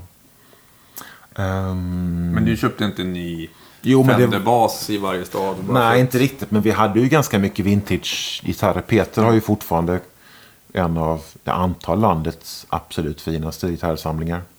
Det skulle jag tro. Eh, om det har någon Gessle kanske. Ja. Eh, så han har ju liksom extremt... Jag kommer ihåg någon gång på 90-talet när han det var i Japan. Han köpte någon eh, Les Paul-gitarr för en kvarts miljon i Japan. Och vi bara så här, holy fuck. För då var det vi fortfarande bodde i kollektiv och liksom, det var extremt mycket pengar. Men det visste han väl liksom att den skulle sticka upp och nu är den väl värd en och en halv miljon eller någonting liksom. Eh, så den är, sitter väl något vitrinskåp hemma hos honom. Eh, så att vi har ju väldigt mycket. Peter har ju fortfarande väldigt, väldigt mycket vintage-grejer. Ja. Vi har börjat sälja av ganska mycket. Ehm, men många fina gamla Gibson-basar. Mm. Eh, jag vägrade Fender ganska länge bara för att jag ville vara lite anti. Ja. Tycker Gibson-basen har fin bottenton? Mm. Jag har sådana här fortfarande kvar, Les Paul signaturbasarna. Det som är den här eh, Jack Cassidy-modellen han från Jefferson Airplane. Som jag hade väldigt länge. Eh, och Bengt har väl fortfarande, han spelar väl bara på vintage-kit. Om vi nu har vår egen utrustning, liksom. Mm. Gamla Gretsch och Ludwig och sånt där. Eh, så absolut. Men det var ganska mycket shopping där. Men det hade nog... Sen tror jag under Gran Turismo-tiden så vet, jag kommer ju komma ihåg att när vi var riktigt illa däran så var det som att om vi inte hittade en Prada-butik så var dagen förstörd. Och då kanske var då det var dags att gå in i väggen och, Ja, och dra i bromsen liksom. Ehm, men alla band som turnerar mycket har väl liksom... ja, man Jag kan tänka mig, jag hörde någon intervju med eh, Dennis Lyxzén liksom att ja, men så mycket tid han har spenderat i skivbörsar runt hela världen. Och köpt plattor liksom som man sen släpar hem. Att man måste göra någonting när man är ute och reser. Ja, vissa tränar ju eller Ja, exakt. hittar på något. Ja. Vi, vi drack Corona och eh, köpte vintage-instrument. Det låter ju faktiskt eh, bra. Ja, det är bättre än knark. Ja. Knark och Prada-kostymer. Ja, exakt. Eller finns det? Det kan gå i Cox och Prada kan nog gå hand i hand tror jag. Så jag är glad att vi inte hamnade in på det spåret. Vad stod det på din liksom, ride? Hade du någon så här? Det var ändå världsband liksom. Ja, men vi har nog, vi har nog inte haft några stora excesser liksom. Det var liksom de här standardbärsen och sen kanske lite vin och sen bara, ja, inget speciellt egentligen. Eh, Perocca, precis. Och ingefära. Eh, men men sen, men det var nog som att sen kom vi på att just vi vi betalar ju faktiskt för det som står på riden. Ja. Så att sen började vi liksom då vilmra, som det heter. Vi tog allting från logen in i turnébussen. Och sen när vi kom hem så var det ju liksom dags att dela upp allt det där. Eh, när man öppnar skuffen till bussen och det är massor med öl, ölbackar och massor med martini och ja. Men vi har inte haft några sådär stora excesser. Nej. Det tror jag inte. Eh, inga sådana här bara blå M&M's eller Nej. vi ska ha ett biljardbord och eh, uppstoppade djur och sånt där. Inget Nej. sånt. Men ni hade kunnat fått det om ni... Ja, och det är alltid man själv, man själv som betalar. Mm. Det är bara frågan hur många år det tar innan man inser det. Exakt. Eh, för oss tog det nog något år, något år kanske. Eh, Det är ord... Eh, recoupa. ja, exakt. Mm. Eh, men det är också, jag kommer ihåg, bland de första gångerna vi spelade på eh, Melkväg i Amsterdam. Så, som en sån klassisk gammal klubb. Så kommer jag ihåg att Universal, eller Polygramskivbolaget, kom dit på eftermiddagen på Soundcheck och hade med sig en jättestor påse med weed. Alltså den var, den var väldigt, väldigt stor. Och gav till oss och vi bara, jaha, eh, vad ska vi göra med den? Och sen låg den oanvänd till efter gigget när de kom tillbaka och rökte upp allting själva. Så det har ju inte varit liksom, vi har liksom hinkat öl. Mm. Eh, aldrig varit några sådana andra grejer liksom. Eh, för att, ja kanske för att det är från Jönköping. Eller någonting liksom. Det är svårt att spela när man är i bäng eller på... Ja, det, det är inget Alltså, jag rekommenderar. nej. Det tror jag verkligen inte. Uh, jag vet Peter har varit för full någon gång och fick en rejäl utskällning av Bengt. Uh, vår trummis då som håller ordning och reda. Ja. Och jag har varit liksom... Jag kom vi spelade på uh, i Fillmore West i San Francisco. Och hade träffat en gammal flamma innan och drack lite drinkar på eftermiddagen och sen kom på att just ja, vi skulle ju spela också. Eh, och alltså känslan att stå på scen och inse att man är lite för full. Eh, och att man ser att de andra i bandet blänger lite. Och att det också är på en sån klassisk ställe som Fillmore West med så mycket fantastisk musik. Som har ju framförts där. Så man är inte så jävla tuff liksom. Det är bara, den timmen är väldigt lång på scen. Man har ju ett ansvar för publiken och för bandet och allting. Så det har inte hänt, uh, ja men kanske två gånger på 20 år. Det tycker jag var väldigt bra. Ja, för det är inte kul att spela full om man inser att man inte har sina chops. Liksom. Det är en dålig grej. Ja, Chopsen försvinner ju efter typ två, tre öl. Sen är det ju... Ja, men exakt. Ja. Jag brukar tänka på hur det var med om att Lemmy fick sparken i Hawkwind för att de knarkade för mycket. När hälften av bandet röker weed och hälften tar speed. Ja. Hur man får ihop liksom svänget i bandet. Ja, de måste- energierna. Ja. Några vill framåt Ja. 10 000 kilometer. Exakt. Och de andra bara, kan vi inte ta det lite Ja, exakt. lugnt? Ja. Ja, Jag undrar man hade velat hoppa in i Hawkwind där och undra liksom. Deras bandmöten hade Ja. varit intressant. Och deras inräkningar. Ja. Vilka nu det var som tog vad liksom. Finns det trummisen tog speed? One, two, three, four. Ja, men det måste det varit. Och Motorhead kommer ju därifrån, deras låt. Det är väl Speedhuvud, va? Tror jag. Ja, det har varit intressant. Det var inte mycket fjäsk för er så här skivbolag och liksom ja, weedpåsar. Men jag tänker när ni kom, ni var ju ändå stars liksom. Mm. Fick ni gå på sån här meet and greets och middagar och här. Ja, i, I USA var det jättemycket sånt. Ja. Eh, men det har ju alltid varit påtvingat liksom. Mm. Eh, för att ingen av oss eh, är duktiga på det egentligen. Vi var tvungna att göra det. Mm. Liksom, Vi fick till och med gå på någon slags charmkurs på Mercury i New York. Där de tyckte att vi skulle bli mycket bättre på engelska. Och liksom vara lite mer alltså, snappy på något sätt. Att Ja. vara liksom, oh my god. Ja. Ehm, och vi fick ju lära oss till att liksom hur det funkar att alltså, bli amerikaniserade på något sätt. Som också står i väldigt bjärt kontrast med hur man ska vara i Malmö. Mm. Det var ju liksom raka motsatsen. Ehm, men det var när vi turnerade i USA. Det var ju alltid meet and greet före och efter spelningarna med väldigt viktiga radiopersoner. Som var våra största fans. Alla var våra största fans. De hade hört oss hur länge som helst. Ehm, och efter spelningen tycker jag är nästan direkt plågsamt att göra det. För att man har ju kemiskt i kroppen så har man ju förhoppningsvis nått någon slags klimax med alltså, extra låtarna och man ska liksom och lite rundgång på slutet och allt sånt där liksom. Och sen ska man säcka ihop logen och ta en öl och kanske bara liksom titta in i en vägg i tio minuter. Och sen så ska man upp och vara försäljare för det kommer någon jävla representant från skivbolaget med några viktiga personer. Eh, så det blir ju en väldigt liksom berg dalbana i att man inte får vila efter när man faktiskt varit, man är utsatt på scenen och man ger ju sig själv och sin energi och allt sånt där. Eh, och sen ska man upp och vara försäljare igen liksom och tejpa upp eh, mungiporna riktigt ordentligt och vara yeah man, yeah, Yeah, best show ever ja, ja, du vet. Ehm, och det var väl ingen som menade något ont i det, men det är liksom holkar ur själen väldigt mycket. Väldigt långt ifrån vilka vi var liksom. Ja. I att försöka liksom eh, leva upp till någon roll liksom. Som krävdes. Inte för att vi kanske skulle vara larger than life, men i alla fall att är man uppe på prioritet på Mercury och uppe i smöret liksom och det är turnéer hela tiden och eh, vi sålde jättemycket skivor med First Man on the Moon i USA. Och är borta hemifrån så mycket som vi var så man blir ganska bäng Mm. faktiskt. Men den här kursen verkar. Hur, hur gick den till så här? Ja, men de föreslog faktiskt att vi skulle prata engelska med varandra för att bli liksom snabbare i truten typ. Mm.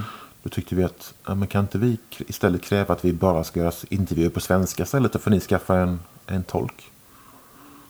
Vi sa inte det, men vi, vi internt. För då hade vi ju, då har man ju plötsligt makten över språket. Eh, och kan vara liksom vitsig och intim eller vad man nu vill. Ja. Liksom. Eh, så de krävde ju liksom att vi skulle vara eh, no doubt fast det inte var på vårt modersmål. Typ. Det är skitsvårt alltså. Mm, det var klurigt. Och var det samma frågor hela tiden? Ja, men Nina har ju såklart hört den här Hur känns det att vara ensam tjej i bandet? Och en miljon gånger. Och hur känns det att ha en kvinna med i bandet? Och liksom allt sånt där. Värst var det nog i Japan när vi liksom också hade, då hade vi tolkar hela tiden. Och då satt vi ju väntade på tolkens översättning. Och hon fick vänta på våran. Det var, tog en jävla tid hela tiden. Och så var det bara samma frågor hela tiden. Så då, upp, då uppfann vi ett kodspråk.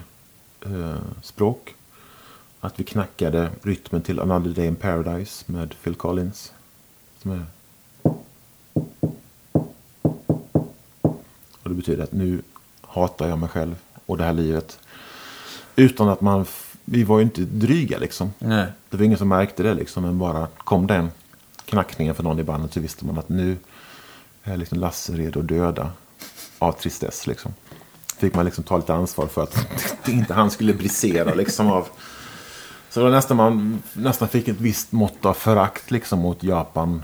För att det var så jävla omständigt och så konstigt. Och man satt i ett hotellrum en hel vecka och gjorde intervjuer. Kanske 70-80 intervjuer på en vecka. Det måste vara något svenskt rekord. Ja, ja, det var det nog. Man blev helt bäng. Fullständigt helt dum i huvudet. Men hur många tidningar liksom... Ja, man undrar hur många det finns. Men det var nog rätt att, alltså, om vi nu gick ifrån liksom indie eh, segmentet i Japan och plötsligt blev liksom Major stars. Ja, men exakt. Och det verkar finnas också en väldigt tydlig uppdelning att kanske 80% av musikmarknaden är inhemsk på japanska. Och så finns det en viss del som då är alltså västerländsk. Eh, Och så vet jag inte hur många musiktidningar det finns i, eller radiostationer. Men det känns som att det var ett oändligt antal i Japan. Men det är klart, det är också 120-130 miljoner människor. Ja. Men eh, de där hotellrummen längtar man inte tillbaka till liksom. För att eh, ja, det är något märkligt. Det är liksom att det kan tyckas självupptaget att tycka det är jobbigt att prata om sig själv. Men när man har upprepat sig själv till det många gånger så Eller vill man ju skjuta sig själv. ja. Och bandmedlemmarna. Ja. Sen bara frågan i vilken ordning man gör det liksom. Ja. Jag hörde en intervju med, med First Aid Kit nu efter de, när de gör sin comeback. Och, uh, att Klara hade gått in i väggen och liksom behövde ta lång tid att, att uh, hela sig. Och det var så ett, extremt mycket av det som hon berättade och även Johanna som jag kände igen mig i. Eh, och vi har också delat replokal med Sounds nere i Malmö och de, det, vad de gjorde var ju liksom bara en rak kopia av vad vi gick igenom. Uh, Så att jag brukar känna mig lite som en gammal farbror när jag klappar dem och säger ta det försiktigt nu, pojkar och flickor. Eh, För att det är liksom det är ansträngande. Det är påfrestningar och man ska vara glad om man inte har eh, eh, alltså verkligen starka anlag för till exempel alkoholism eller annat. Liksom. Maja hade ju, har, har ju haft jättestora problem med de här olika substanser. Liksom, Men har lyckats ta sig igenom. Så det är ju verkligen seriöst att det är ju inte en garanti att man kommer igenom på andra sidan eh, helt i ett stycke. Nej. Nej, det är det är en del av liksom jobbet. Mm. Här är drinkbordet och här är det. Och... Ja, för att det är också på något sätt, nu låter det som att, man, att jag klagar, men Nej. i den här stora drömmen om att, ja men shit, det här händer liksom. Eh, att det bandet vi startade i Jönköping eh, med någon slags naiv drivkraft har blivit, vi kanske, vi är kanske i alla fall topp 10 i Sverige av de band som har sålt mest och turnerat mest i världen. Att vi skulle hamna där, eller nu blivit invalda till eh, Swedish Music Hall of Fame är ju helt sjukt. Grattis! Tack. Det kändes helt... Nu kallar vi oss Hall of Famare. Ja. Eh, att vi, ja, vi, finns där liksom. Det är vi och, och ja, de andra. Vi finns med i Hall of Fame. Det är helt sinnessjukt. Eh, samtidigt som att vi också förstår att så mycket tid vi har lagt av våra liv. Eh, så har vi också jobbat för det såklart. Men ehm, det är en speciell resa man går igenom. Eh, med allt det där turnerandet. Och man blir lite bäng. ja. Men tack och lov så är det ingen av oss som har haft sådana alkoholproblem eller liksom uh, självskadebeteende eller något sånt där. Liksom. Mm. Praise the Lord. Praise the Lord.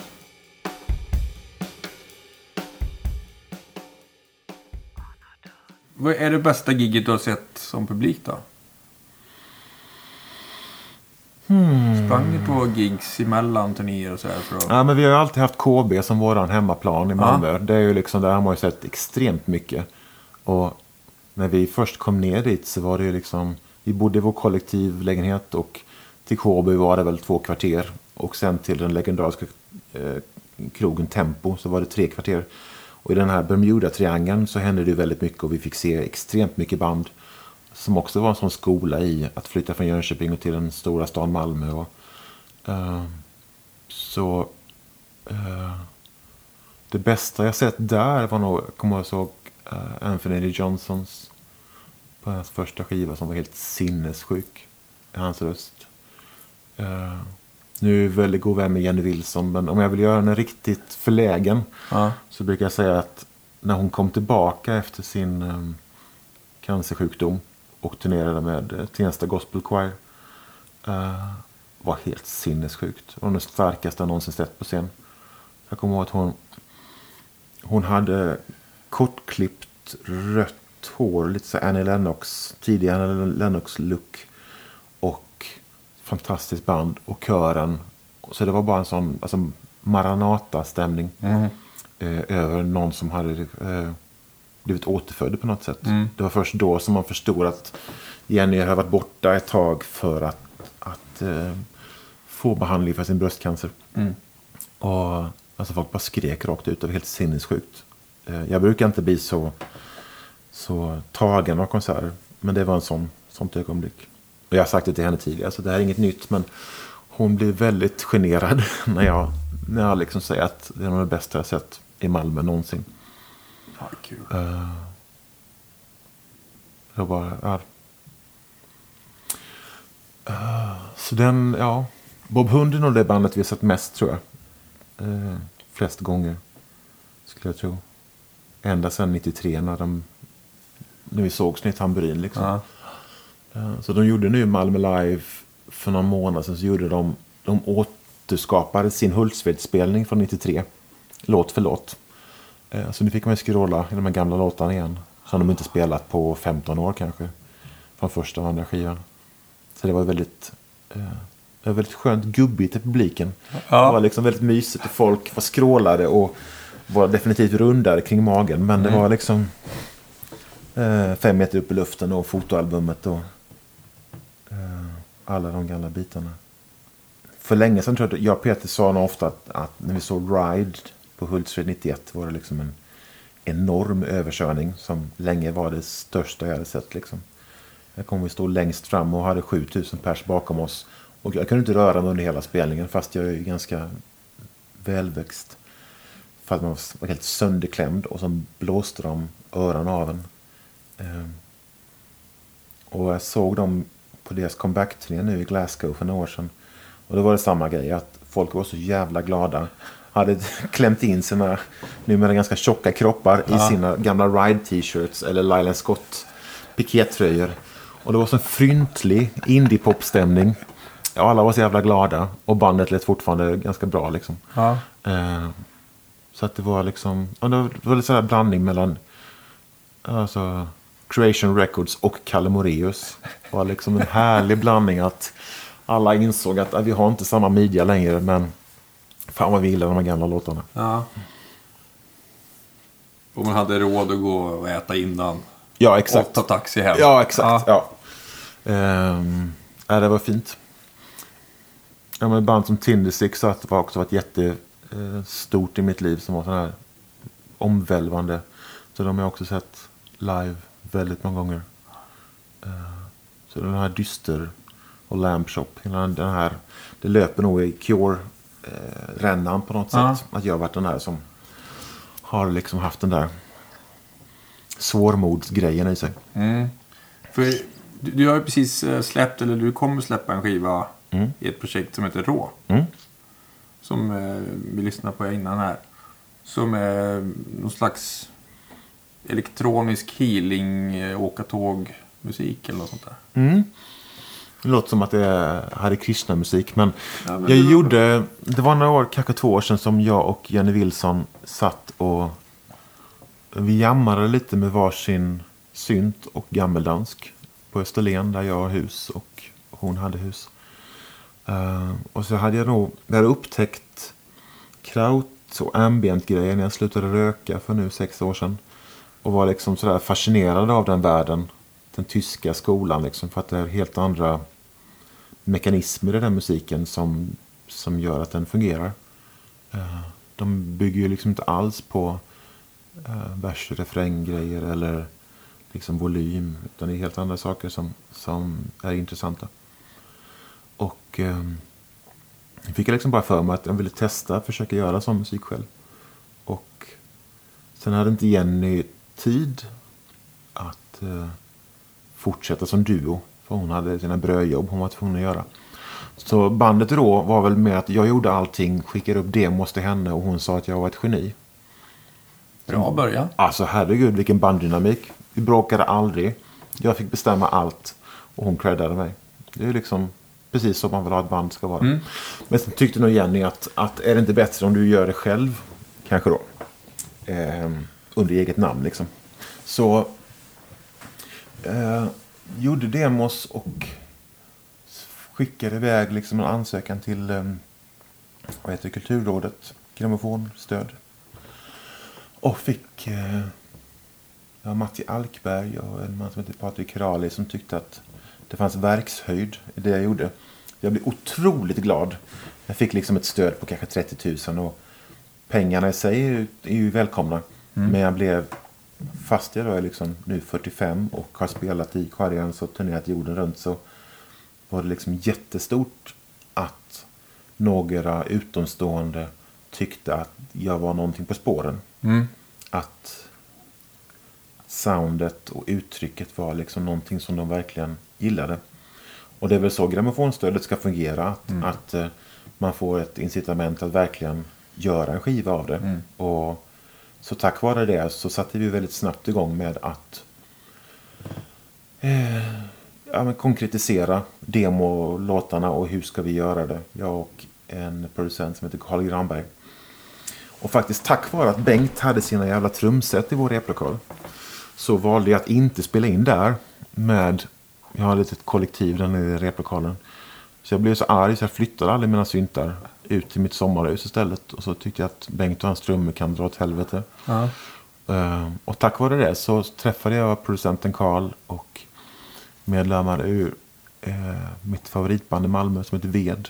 Ett krautband som är helt fantastiskt. Och eh, så spelade vi in ute i mitt hus på Österlen. Som ett gammalt eh, missionshus kan man säga.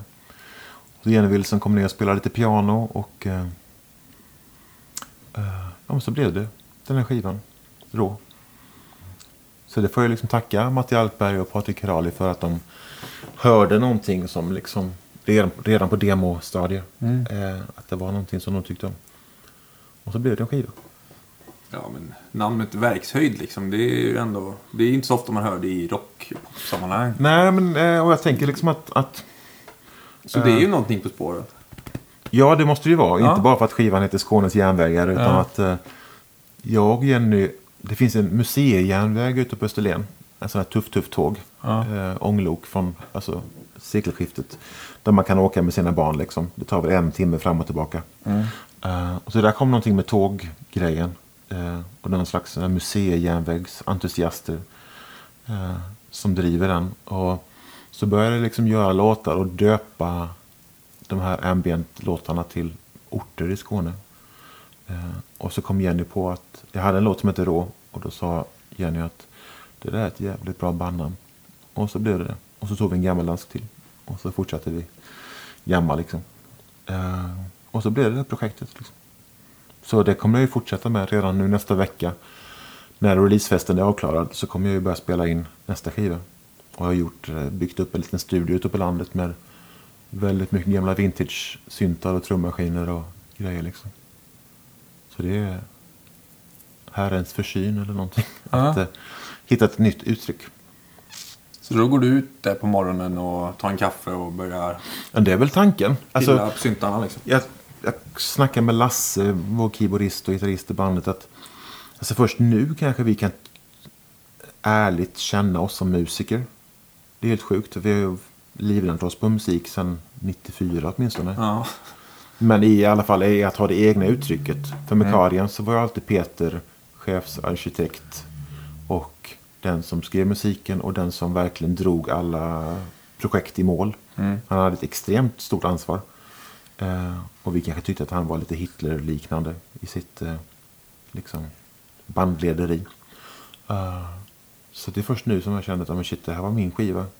Och vi hade releasefesten i lördags och det var 200 goa vänner. Jag blir helt tårögd när jag tänker på att de kom dit för min skull.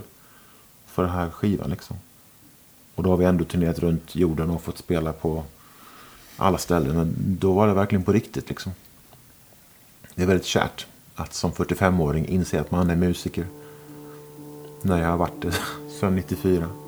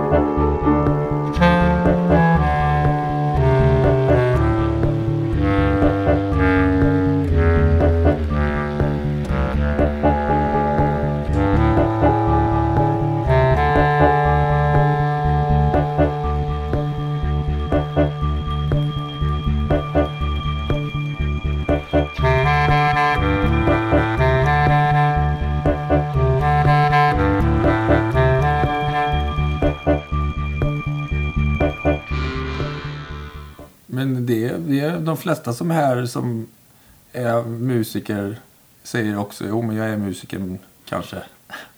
De flesta säger så.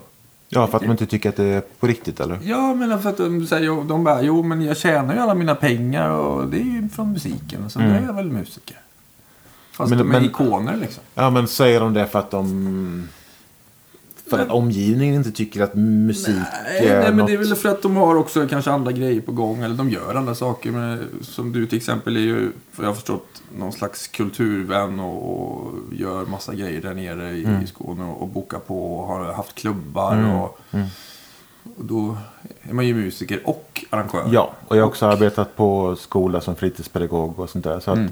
såklart. Eh, jag vet inte om, om alltså de som kommer hit, om de också liksom har fått höra i alla år att ja, ja, ni är musiker, men vad gör ni? På riktigt. Ja, exakt. Vad är ditt riktiga kneg? Liksom? Ja. Den bilden du målar upp där för liksom sätta sig och eh, sätta sig vid någonting och börja liksom försöka eh, att man är upp, ehm, att göra sig mottaglig till att få en in- inspira- inspiration. Ja. Jag antar att alla som kommer hit, de personerna, alla älskar ju att befinna sig i ett flow Mm. när man tappar tid och rum och man följer en instinkt om att ah, shit, här det finns någonting. Här är ett coolt ljud. Det är ett riff. Liksom. Här är en... Okej, ska vi följa den här tråden? Vart tar den vägen? Liksom? Eh, det är ju ett magiskt ögonblick som jag antar att vi hade ju velat unna alla att få uppleva den grejen. De som inte är musiker. Att få känna, ah, shit, nu är det någonting. Här har vi någonting. Liksom. Fortsätt med den grejen. Eh, och det kan man ju få på egen hand också. Eh, jag tror det är därför jag gillar liksom att hålla på med syntar och väldigt mycket eh, pedaler med delay och arpeggio och tremolo. För att alltså det kan ju tjonga till på ett sätt som man inte kan tänka ut. Alltså om man kombinerar med upp några pedaler och sen trycker på en gammal synt och plötsligt så blir det en klangbild som bara, ja, fan vad var det, vad, vad var det för någonting som hände där? Eh, och då får man ju liksom följa den instinkten. Eh, att ta reda på vad kan det bli för någonting liksom. Eh, spela in en snabb skiss av någonting. Och sen kanske man går tillbaka någon vecka senare och, och försöker bena ut om det hade kvaliteten även en vecka efteråt. Och har man det så är det bara att bygga vidare. Är det så, så du jobbar? Mm, det har varit ganska mycket så. Eh, eh, snabba beslut liksom och bara att göra pålägg kanske på ja, just att vara i det här flow-tillfället kanske i två timmar i taget. Ja. Liksom. Eh, det tycker jag är helt fantastiskt. Vad mysigt det låter. Komma in i studion, slå på lite grejer. Ja. Kaffe och så bara ja. Så, så kommer det bli nu när jag har byggt upp, eh, byggt upp eh, möjligheten att, kunna ha allting uppkopplat hela tiden och verkligen kunna gå in. Den här känslan av att nu kanske jag är musiker på riktigt. Ja. Kanske också lite producent. Du är kompositör. Ja, det är också. Ehm, men det är också den här... Det är ju en väldigt innerlig... Nu kommer jag tillbaka till den känslan jag, var- när jag var ung. Liksom, Verkligen ung. Att den här kittlande känslan av att själv få eh, skapa liksom på... Eh, uppfinna saker. För det, är ju- det, det är ju det musiker är. Man uppfinner saker som inte fanns tidigare. Eh, och kan man... Jag tänker som i krautvärlden. Det är ju ganska många som alltså med olika uttryck ifrån Silver Bullet eh, och Exorcist. Det är mycket Göteborgs band som kör den här Hawkwind Joy Division-stilen. Liksom, ganska lite hårdare uttryck. Och, eh, sen finns det liksom ut, utpräglade ambient band. Och det, liksom, det finns ju extremt mycket inom genren. Men man får väl klämma, klämma ner gumpen någonstans och försöka hitta ett uttryck som förhoppningsvis attraherar någon annan. Ja. Och det var därför jag blev så glad när Alkberg och Kirale tyckte att ja, men här är någonting som de inte riktigt hört tidigare. Och då är det bara att följa den instinkten. För att, Kommer de skriva texter till det här då? Eller? Om Matti vill sjunga någonting på norrländska så får han jättegärna göra det. Eh, Det, det vore en ynnest. eller kommer du börja lägga sång? Eller? Ja, eller Jenny kanske. Ja. Alltså, om någon vill göra en version så det är bara att köra på liksom. Jag är en jättestor reggae-konnässör och dub. Så jag, gillar, jag kommer lägga ut låtar eh, i sådana stems så att folk kan göra remixer eh, på det liksom. Om någon vill göra någonting kul så det är bara att köra på. Kul. Mer versions. Öppna upp för en eh, lekstuga liksom. Ja men exakt. Eh, absolut. Eh, och samma sak om någon vill göra videos så det är bara att göra. Mm. Eh, skivan kommer ut nu digitalt om tio dagar. Ehm, Så absolut. Ska du spela, spelar man live med sånt där eller? Ja, vi gjorde faktiskt på releasefesten så var vi fem stycken i bandet. Eh, vi skulle varit sex men eh, en influensa Ja. fällde en av oss. Ehm, men det var väldigt, väldigt uppskattat och bejublat. Jag blev nästan chockad över att folk tyckte så mycket om det. Ehm, så vi kör lite grejer på backing tracks och sen är det eh, ett gäng syntar, live-trummis, gitarr och sen är det eh, basklarinett och munspel och alla andra blåsgrejer. Så vi är fem stycken uppdelade.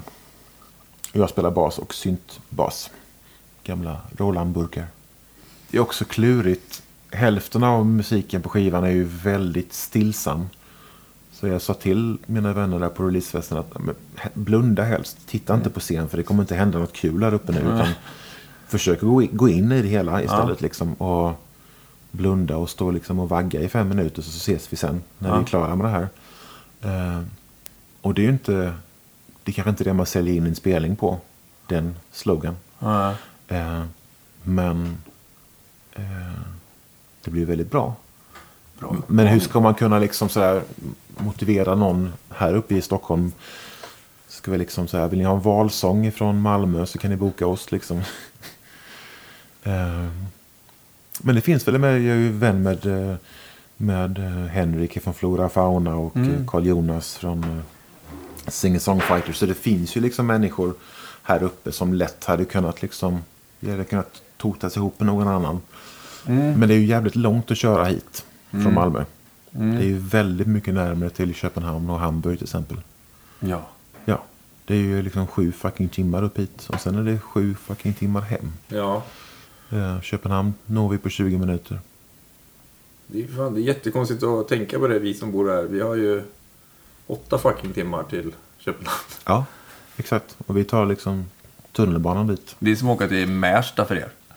Mm. Härifrån. Om ens det. Ja, om ens det. Ja. Mm. Och finns det en sån scen där i Köpenhamn? Ja, men det tror jag säkert. Alltså, jag hade ju gladeligen spelat på loppen till exempel på Christiania. Och det finns ett ställe som heter Stengärde Trädve. Som, så absolut. Eh, alla psykedelia-band och stoner-band kommer ju till Köpenhamn och spelar liksom. Jag har inga direkta kontakter där. Men, men eh, det känns som att alla... alla eller åtminstone liksom i Malmö, Göteborg, Stockholm så finns det ju liksom en neo-psykedelia trend på något sätt. Eller liksom det finns de banden och det finns en scen i alla de ställena. Ja. Eh, där band som Fullaxoid och Moon Duo, Black Mountain kommer att lira liksom. Men, jag- men jag kanske ska snabbt slänga upp andra plattan så har vi lite fler låtar att spela liksom. Än eh, de här valsångslåtarna. Men om ni har någon som dubbar på det live så... Det hade varit möjligt, absolut. Eh, sen är frågan om man kanske bara gör en sån grej att okej, första delen av setet så kan ni stå och blunda. Ja. Eh, och sen låt sex och framåt. Då höjer vi tempot liksom. Och så får det vara liksom. Man får göra en deal med publiken. Ninas man eh, Nathan Larsson hade ju en dronefestival på Malmö Live. Eh, som är då vårt nya fina konserthus i höstas. Som också var en fantastisk upplevelse. Där de hade 12 timmars non-stop drone-musik. Så man fick, eh, man checkade in. Så fick man en kudde.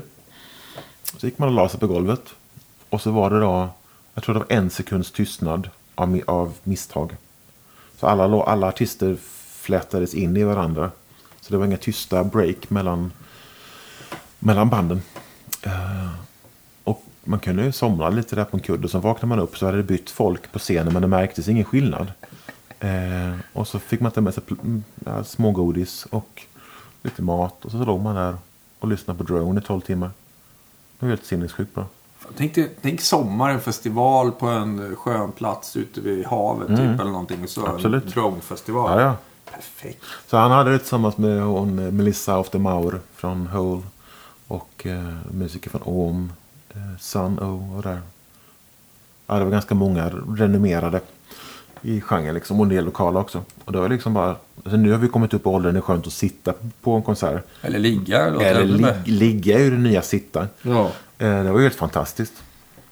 Och just att man hade en påse smågodis och kunde vända sig om och slumra lite och så upptäcka, ja nu kommer ett nytt band där. Han var inte här tidigare. va?" Och sen, ja, Men det har ju knäckt koden för publik över 40. absolut. Kudde och godis. Ja. Mm. Det var helt fantastiskt. Eh, så den, den har de kört i New York och ska jag exportera den till... Jag pratar om att spela i, göra den i Porto och i Beirut och sådana här ställen. Liksom, för att ta den här drone-världen vidare. Eh, så jag hoppas att man kan få hänga med där på den turnén. ja. Med kudde. Förband och sen ligger du i kudde. och Ja, andra. som- tillsammans med alla andra som också ligger där. Det är inte dumt faktiskt. Ett gäng koalor i en stor grop. Det är många människor, eller de flesta stressade människor skulle behöva åka på drone Mhm, absolut. terapifestival. Ja, alltså det, var ett helt fantastiskt koncept. Och Malmö Live är ju liksom helt nybyggt och väldigt, väldigt tjusigt. Men de hade skapat en, en magisk sagovärld inne i deras eh, blackbox. Eh, och så hade man sitt liggande. Det var som en yogafestival egentligen. Ja. Så vi har pratat om att vi skulle starta en droneklubb där nere i Malmö. Med vi, eh, skivbolaget Malmö Inre och Nathan. Där man kan liksom få komma och ta med sig. Om man vill göra yoga kan man göra det. Och vill man ligga och vara helt utslagen och äta godis kan man göra det liksom. Och så är det några drone-musiker som håller på liksom. Och joxar med vad de nu gör liksom. Ja, sen så går man hem och lägger sig.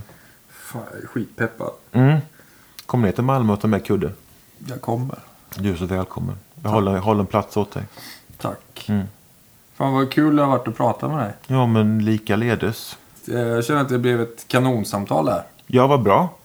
Så vi inte pratar igenom hela kvällen. Är det något du inte fått med? Vet jag inte. Är, är, det, är det någonting jag har glömt? Som du tycker, varför frågar du inte det här? Mm, varför heter ni Cardigans? Har vi den mest vanliga frågan. Är det det? Ja. Vill man bara slå folk när Mm. de ställer den? Jag frågade Janne Ba från Kalle Ba Mm. varför de heter Kalle Ba. Just det. Han visste inte det. Nej. Han hade ingen aning. Det var inte någon de kallade för. Ja, det var någon de skyllde på. Ja. Men han visste inte varför bandet hette det. Det tyckte jag var Ah, roligt. så de själv skyllde på någon person, en fiktiv Som hette person. Kalle Ba. Som var fiktiv. Ja, ja, och så tog liksom bandet namnet men han visste inte när det var eller varför. Ja. Som direktören för det hela. Ja, Lars von Trier-filmen. ja. Att det finns en fiktiv Ja. direktör som Ja. är orsak till Ja. allting. Det är väldigt bra. Nej, det kommer från en uh, Sundays textrad. Så tog Peter Cardians. För att, vad heter hon, sångerskan där? Jag kommer inte ihåg. Men hon sjunger någonting om Cardian. ja. Det är mer spännande än så är det inte. Men jag kommer ihåg, man hade ju cardigan på 90-talet. Mm. I alla fall, Mm. det var ju liksom page och cardigan. Det var Just ju det. liksom Idag, det man hade. Liksom. idag när jag träffade min vän Martin Hederos så var jag faktiskt väldigt nära Tre Backar. Gamla spelstället. Jag kommer inte ihåg vilken gata det låg på men nära rådhus... eh, Eller vad heter det? Ja, nära Handelshögskolan. Mm. Som var vårt första gig i Stockholm någonsin. Och då, hade ju, då var det ju page och vi hade någon slags... Vi hade nog inte cardigan utan vi hade någon slags polotröja. Det var jävligt varmt minns jag att spela eh, i polotröjor där nere i källaren nere på Mm. Tre Backar. Det heter Petsons bar.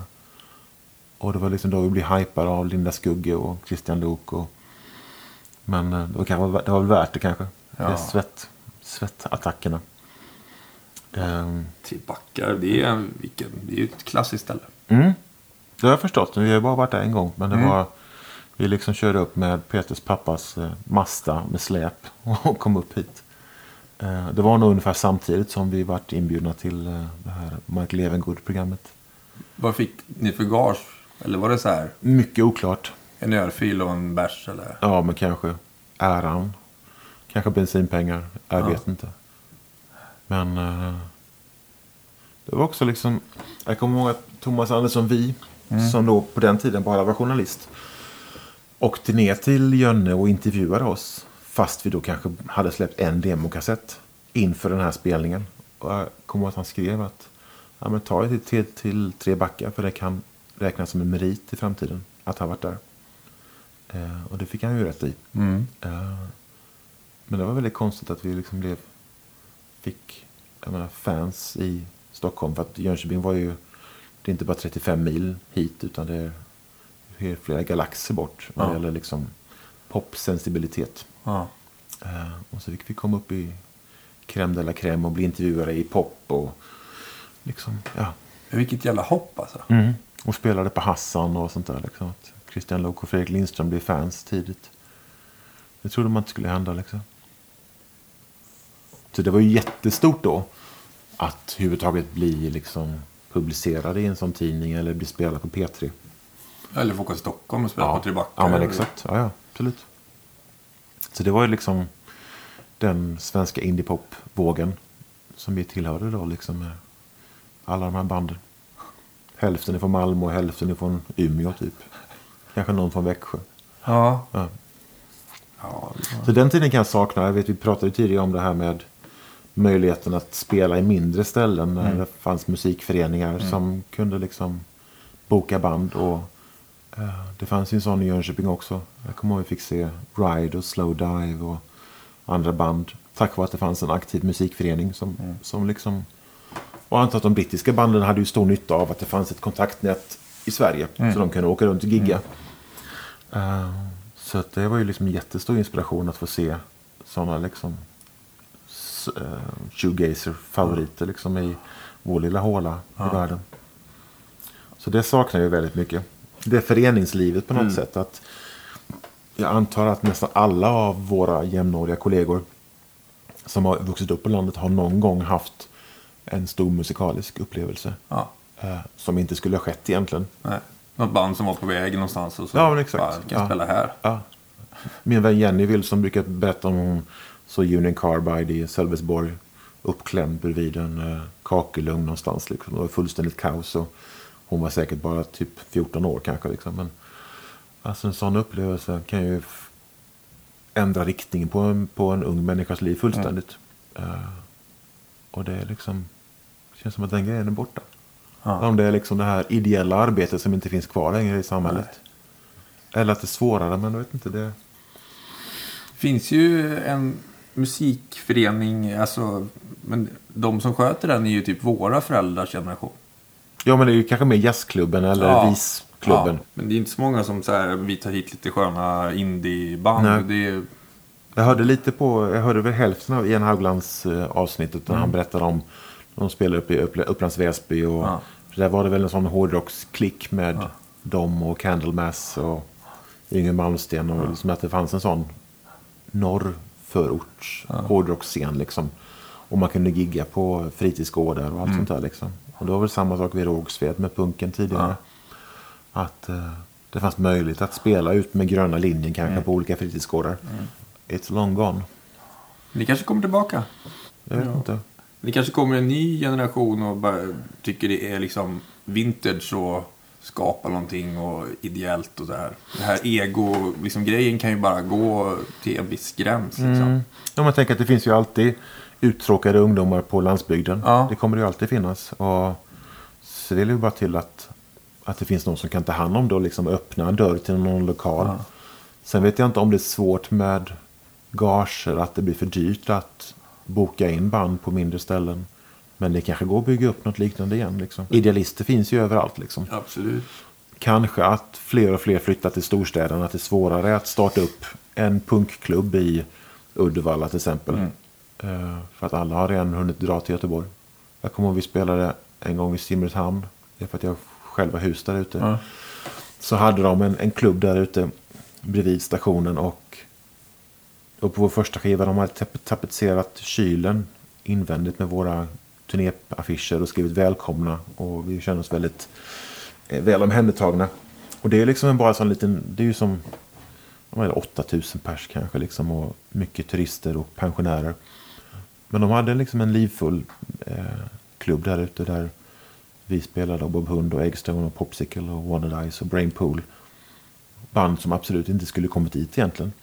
Och jag har väl kanske åtminstone tio kompisar som var med och drev den klubben. Så nu alla bor i Malmö och är i min ålder. Men som alla fick sin musikaliska skolning där.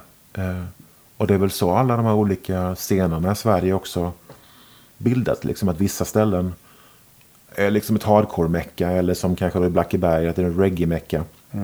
Och det är några som sätter trenden för vilken typ av band som man bokar in. Och plötsligt så har man liksom skolat en hel generation med kids i Black Flag eller eh, ja, vad det nu är för någonting. Ja. Eh, Och den hela grejen tror jag är liksom ganska svår att, att eh, få tillbaka.